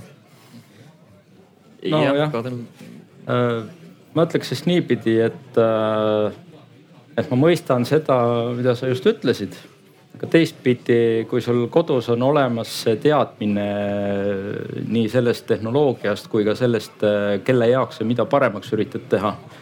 Ja sa siin ei suuda hakkama saada, siis miks sa arvad, et sa välismaal suudad, kus keegi sind ei oota, hakkama saada? ei, ma, ma arvan, et segan vahele, vabandust, et, et see on, see on õige küsimus iseenesest, aga, aga ma väidan seda, et, et Saksamaal hakkama saamine ja Eestis hakkama saamine see vahe ei ole väga suur, aga, aga nii-öelda see auhind on kaheksakümmend või noh, ütleme seitsekümmend korda suurem, eks ju, et selles ongi vahe. ja siis äh, ma tahaks ära täpsustada ka selle, et ega keegi ei pea haigekassast läbi murdma. Et äh, ikkagi Tervisekassa hoolib Eesti inimese tervise eest ja, ja kui teil on äh, ideid, mõtteid, siis me oleme alati ära kuulanud. mida me kindlasti ei luba, on see, et nagu üksikut asja me hakkame rahastama aga kui on piisav konsortsium taga, siis on see võimalus täiesti olemas ma arvan, et siin on oluline vaadata ka seda ettevõtte arengutsüklit ja seda, kuskohast ta raha saab. Et äh, need fondid, mis investeerivad üle Euroopa või üle maailma, need reeglina tahavad investeerida suurusjärku kolm miljonit pluss. keegi ei ole UK-st reeglina valmis panema siia väga varase faasi ettevõttesse sada tuhat või kakssada tuhat. see peab olema nagu kohalik ökosüsteem. ja äh, niikaua, kuni need tiimid on siin nii kaua nad peavad nagu selle kohaliku rahaga siin hakkama saama. kõik, kes siin on täna startup'id, nad on oma seemnerahastuse tegelikult saanud nagu oma tuttavalt, oma naabrilt, oma endiselt äripartnerilt, äh, kelleltki sellelt, mitte UK-st. kui keegi on, siis on see, ma arvan, pigem nagu erand on ju. ehk see ökosüsteem ei ole mitte ainult teadmuste siirde ökosüsteem ülikoolist välja vaid see ökosüsteem on rahastus, see ökosüsteem on ligipääs andmetele ehk e-tervis see ökosüsteem on palju, äh, regulatiivne infosüsteem, äh, kuidas riik oskab osta seda tüüpi teenuseid. Eesti riik oskab osta hangetega tunde, on ju nagu Taavi ütles ja seda nad teevad väga hästi. aga, aga, aga, aga see ettevõte vajab seda ökosüsteemi selleks, et, et jõuda selle suurte fondide vaatevälja ja suured fondid on alates kolmest miljonist ma võib-olla varastan veel korraks sõna siin, et minu meelest me oleme väga huvitaval ajal siin praegu et tegelikult meil on ju äh, noh, tegelikult on ju esimene selline sektoriülene investeering, et certific või certificate või kuidas me ütleme. et ma arvan, see on väga põnev äh, vaadata, kuidas see areng käib ja, ja olles äh, selle tiimiga ka veidi rääkinud noh, nende fookus, nii palju kui mina tean ja ma ei taha nende eest rääkida, on ikkagi hästi palju täna Eestist väljas, aga nad teevad Eestis ka, et on selles mõttes hästi nagu äge mudel kus on taga, eks ju äh, Wise'i nii-öelda investor, üks asutajatest äh, Taavet Hindrikus ja, ja, ja neil on äge meeskond, äh, et minu meelest noh, see jutt, mida me siin täna räägime, et see ökosüsteem võib-olla ongi juba nagu kerkimas, eks, et noh, Erki, sina panustad juba nagu pikemat aega ja, ja selles mõttes on väga põnev aeg, et, et ega ju see IT-ime ei sündinud ka noh, ühe või kahe aastaga, et see on nagu pikema protsessi tulemus, et et, et noh, see, et täna see, et me räägime sellest, et Bolt kaasas kuussada miljonit ja see nagu ei olegi väga suur uudis, nagu tundub inimestele normaalne asi. see on noh, ikkagi väga mitme nagu pika sammu nagu tulemus, et ja, ja noh, mina olen selles mõttes nagu optimistlik, et, et, et täna meil seda ökosüsteemi ei ole, aga tegelikult mingi sellised, sellised äh, rohelised signaalid on nagu olemas et, et, et noh, midagi siit võiks tulla ja.... see, see ökosüsteem on nagu mingil määral ikkagi ühe tugeva riigi osa, et kui väga palju sõltuda välismaisest tehnoloogiast, siis äh, siis globaalses maailmas sa jääd, võid jääda kaotaja rolli, et sa, sa oled nagu väike nii-öelda, nii-öelda jääd joone alla. aga jah. ma tahaks siinkohal öelda ühte asja, et äh, mõnede lahenduste jaoks on odavam otsida rahvusvaheliselt mm -hmm. turult seda lahendust, kui hakata Eestis tegema et äh, haiglana me ikkagi tihtipeale vaatame ka, mis väljaspool juba olemas on et meile kohandada. keele küsimus meditsiinis ei ole endiga, me ei pea inglise keele üle minema, Saksamaal lähed, sa pead saksa keeles rääkima. aga, aga mõnikord on, äh, meil on ju paljud asjad ju kokku lepitud terminoloogia, milles me saame, me saame näitajaid skaleerida, me saame numbriliselt võrrelda, me saame sõnades äh, ka leiame need õiged ühed ja nullid, me oleme harjunud arstidena, õdedena kirjutama, patsient tunneb ennast täna paremini kui eile. ja siis ma pean vaatama äh, haigusloos, kuidas ta eile tundis, et äh, saada aru, palju see paremini siis nüüd on. et selle asemel võib öelda, et kui tal valutas eile ska kümnesel palli skaalal kaheksa, siis täna valutab kuus, ma ju kohe näen visuaalselt, et see on parem, need on lihtsad asjad, aga see on varjumist. et mõnes mõttes seda nihukest see nõuab nagu sihukest kohanemist mm -hmm. uute oludega ja mõnede asja teistmoodi tegemist mis võtab ka aega ja, ja, ja meele, meelemuutust. aga siinkohal äh, peabki vaikselt hakkama otsi kokku tõmbama, et, et mis, mis võib-olla siit tõesti kaasa võtta, on see, et, et tõesti midagi nagu podiseb. et, et äh, me räägime siin sellest, äh, on päris palju piloote ja katsetusi käimas teemad on rahastamine, andmete liikumine, ökosüsteem, kas arstil on aega panustada, kas me peaks seda tegema siin või väljas, kas me koolitame neid inimesi Äh, kas äh, noh, ikkagi jõuame ka sinna rahastusmudeliteni välja, peaksime võib-olla õppima välismaailmalt, äh, tooma siia, et eks, eks see ongi seesama see selline ökosüsteemi ehitamine, et mida, mida me noh, praegu ka püüame siin teha, et, et tihtipeale lihtsalt ökosüsteem tuleb ka mitte nii-öelda ühe osapoole poolt vaid kõik peavad nagu mingi sammu tegema, et me peame nagu rohkem rääkima sellest aga samal ajal leidma ka selle sellise madala esimese viinamarja, mis nii-öelda ära teha. et noh, me võib-olla kohe seda süsteemi siin ümber ei, ei tooda ja natuke peame olema harjunud sellise nagu ebakindlusega, sest see on ka noh, ütleme startup'i ja tehnoloogiamaailma osa. aga, aga tundub, et miskit äh, susiseb ja, ja siinkohal ma võtangi selle asja kokku. ma tänan kõiki äh, kõnelejaid, paneliste ja kuulajaid ja küsimuste esitajaid, et äh, võtame selle asja täna kokku ja siis äh, teeme edasi, ehitame edasi. aitäh.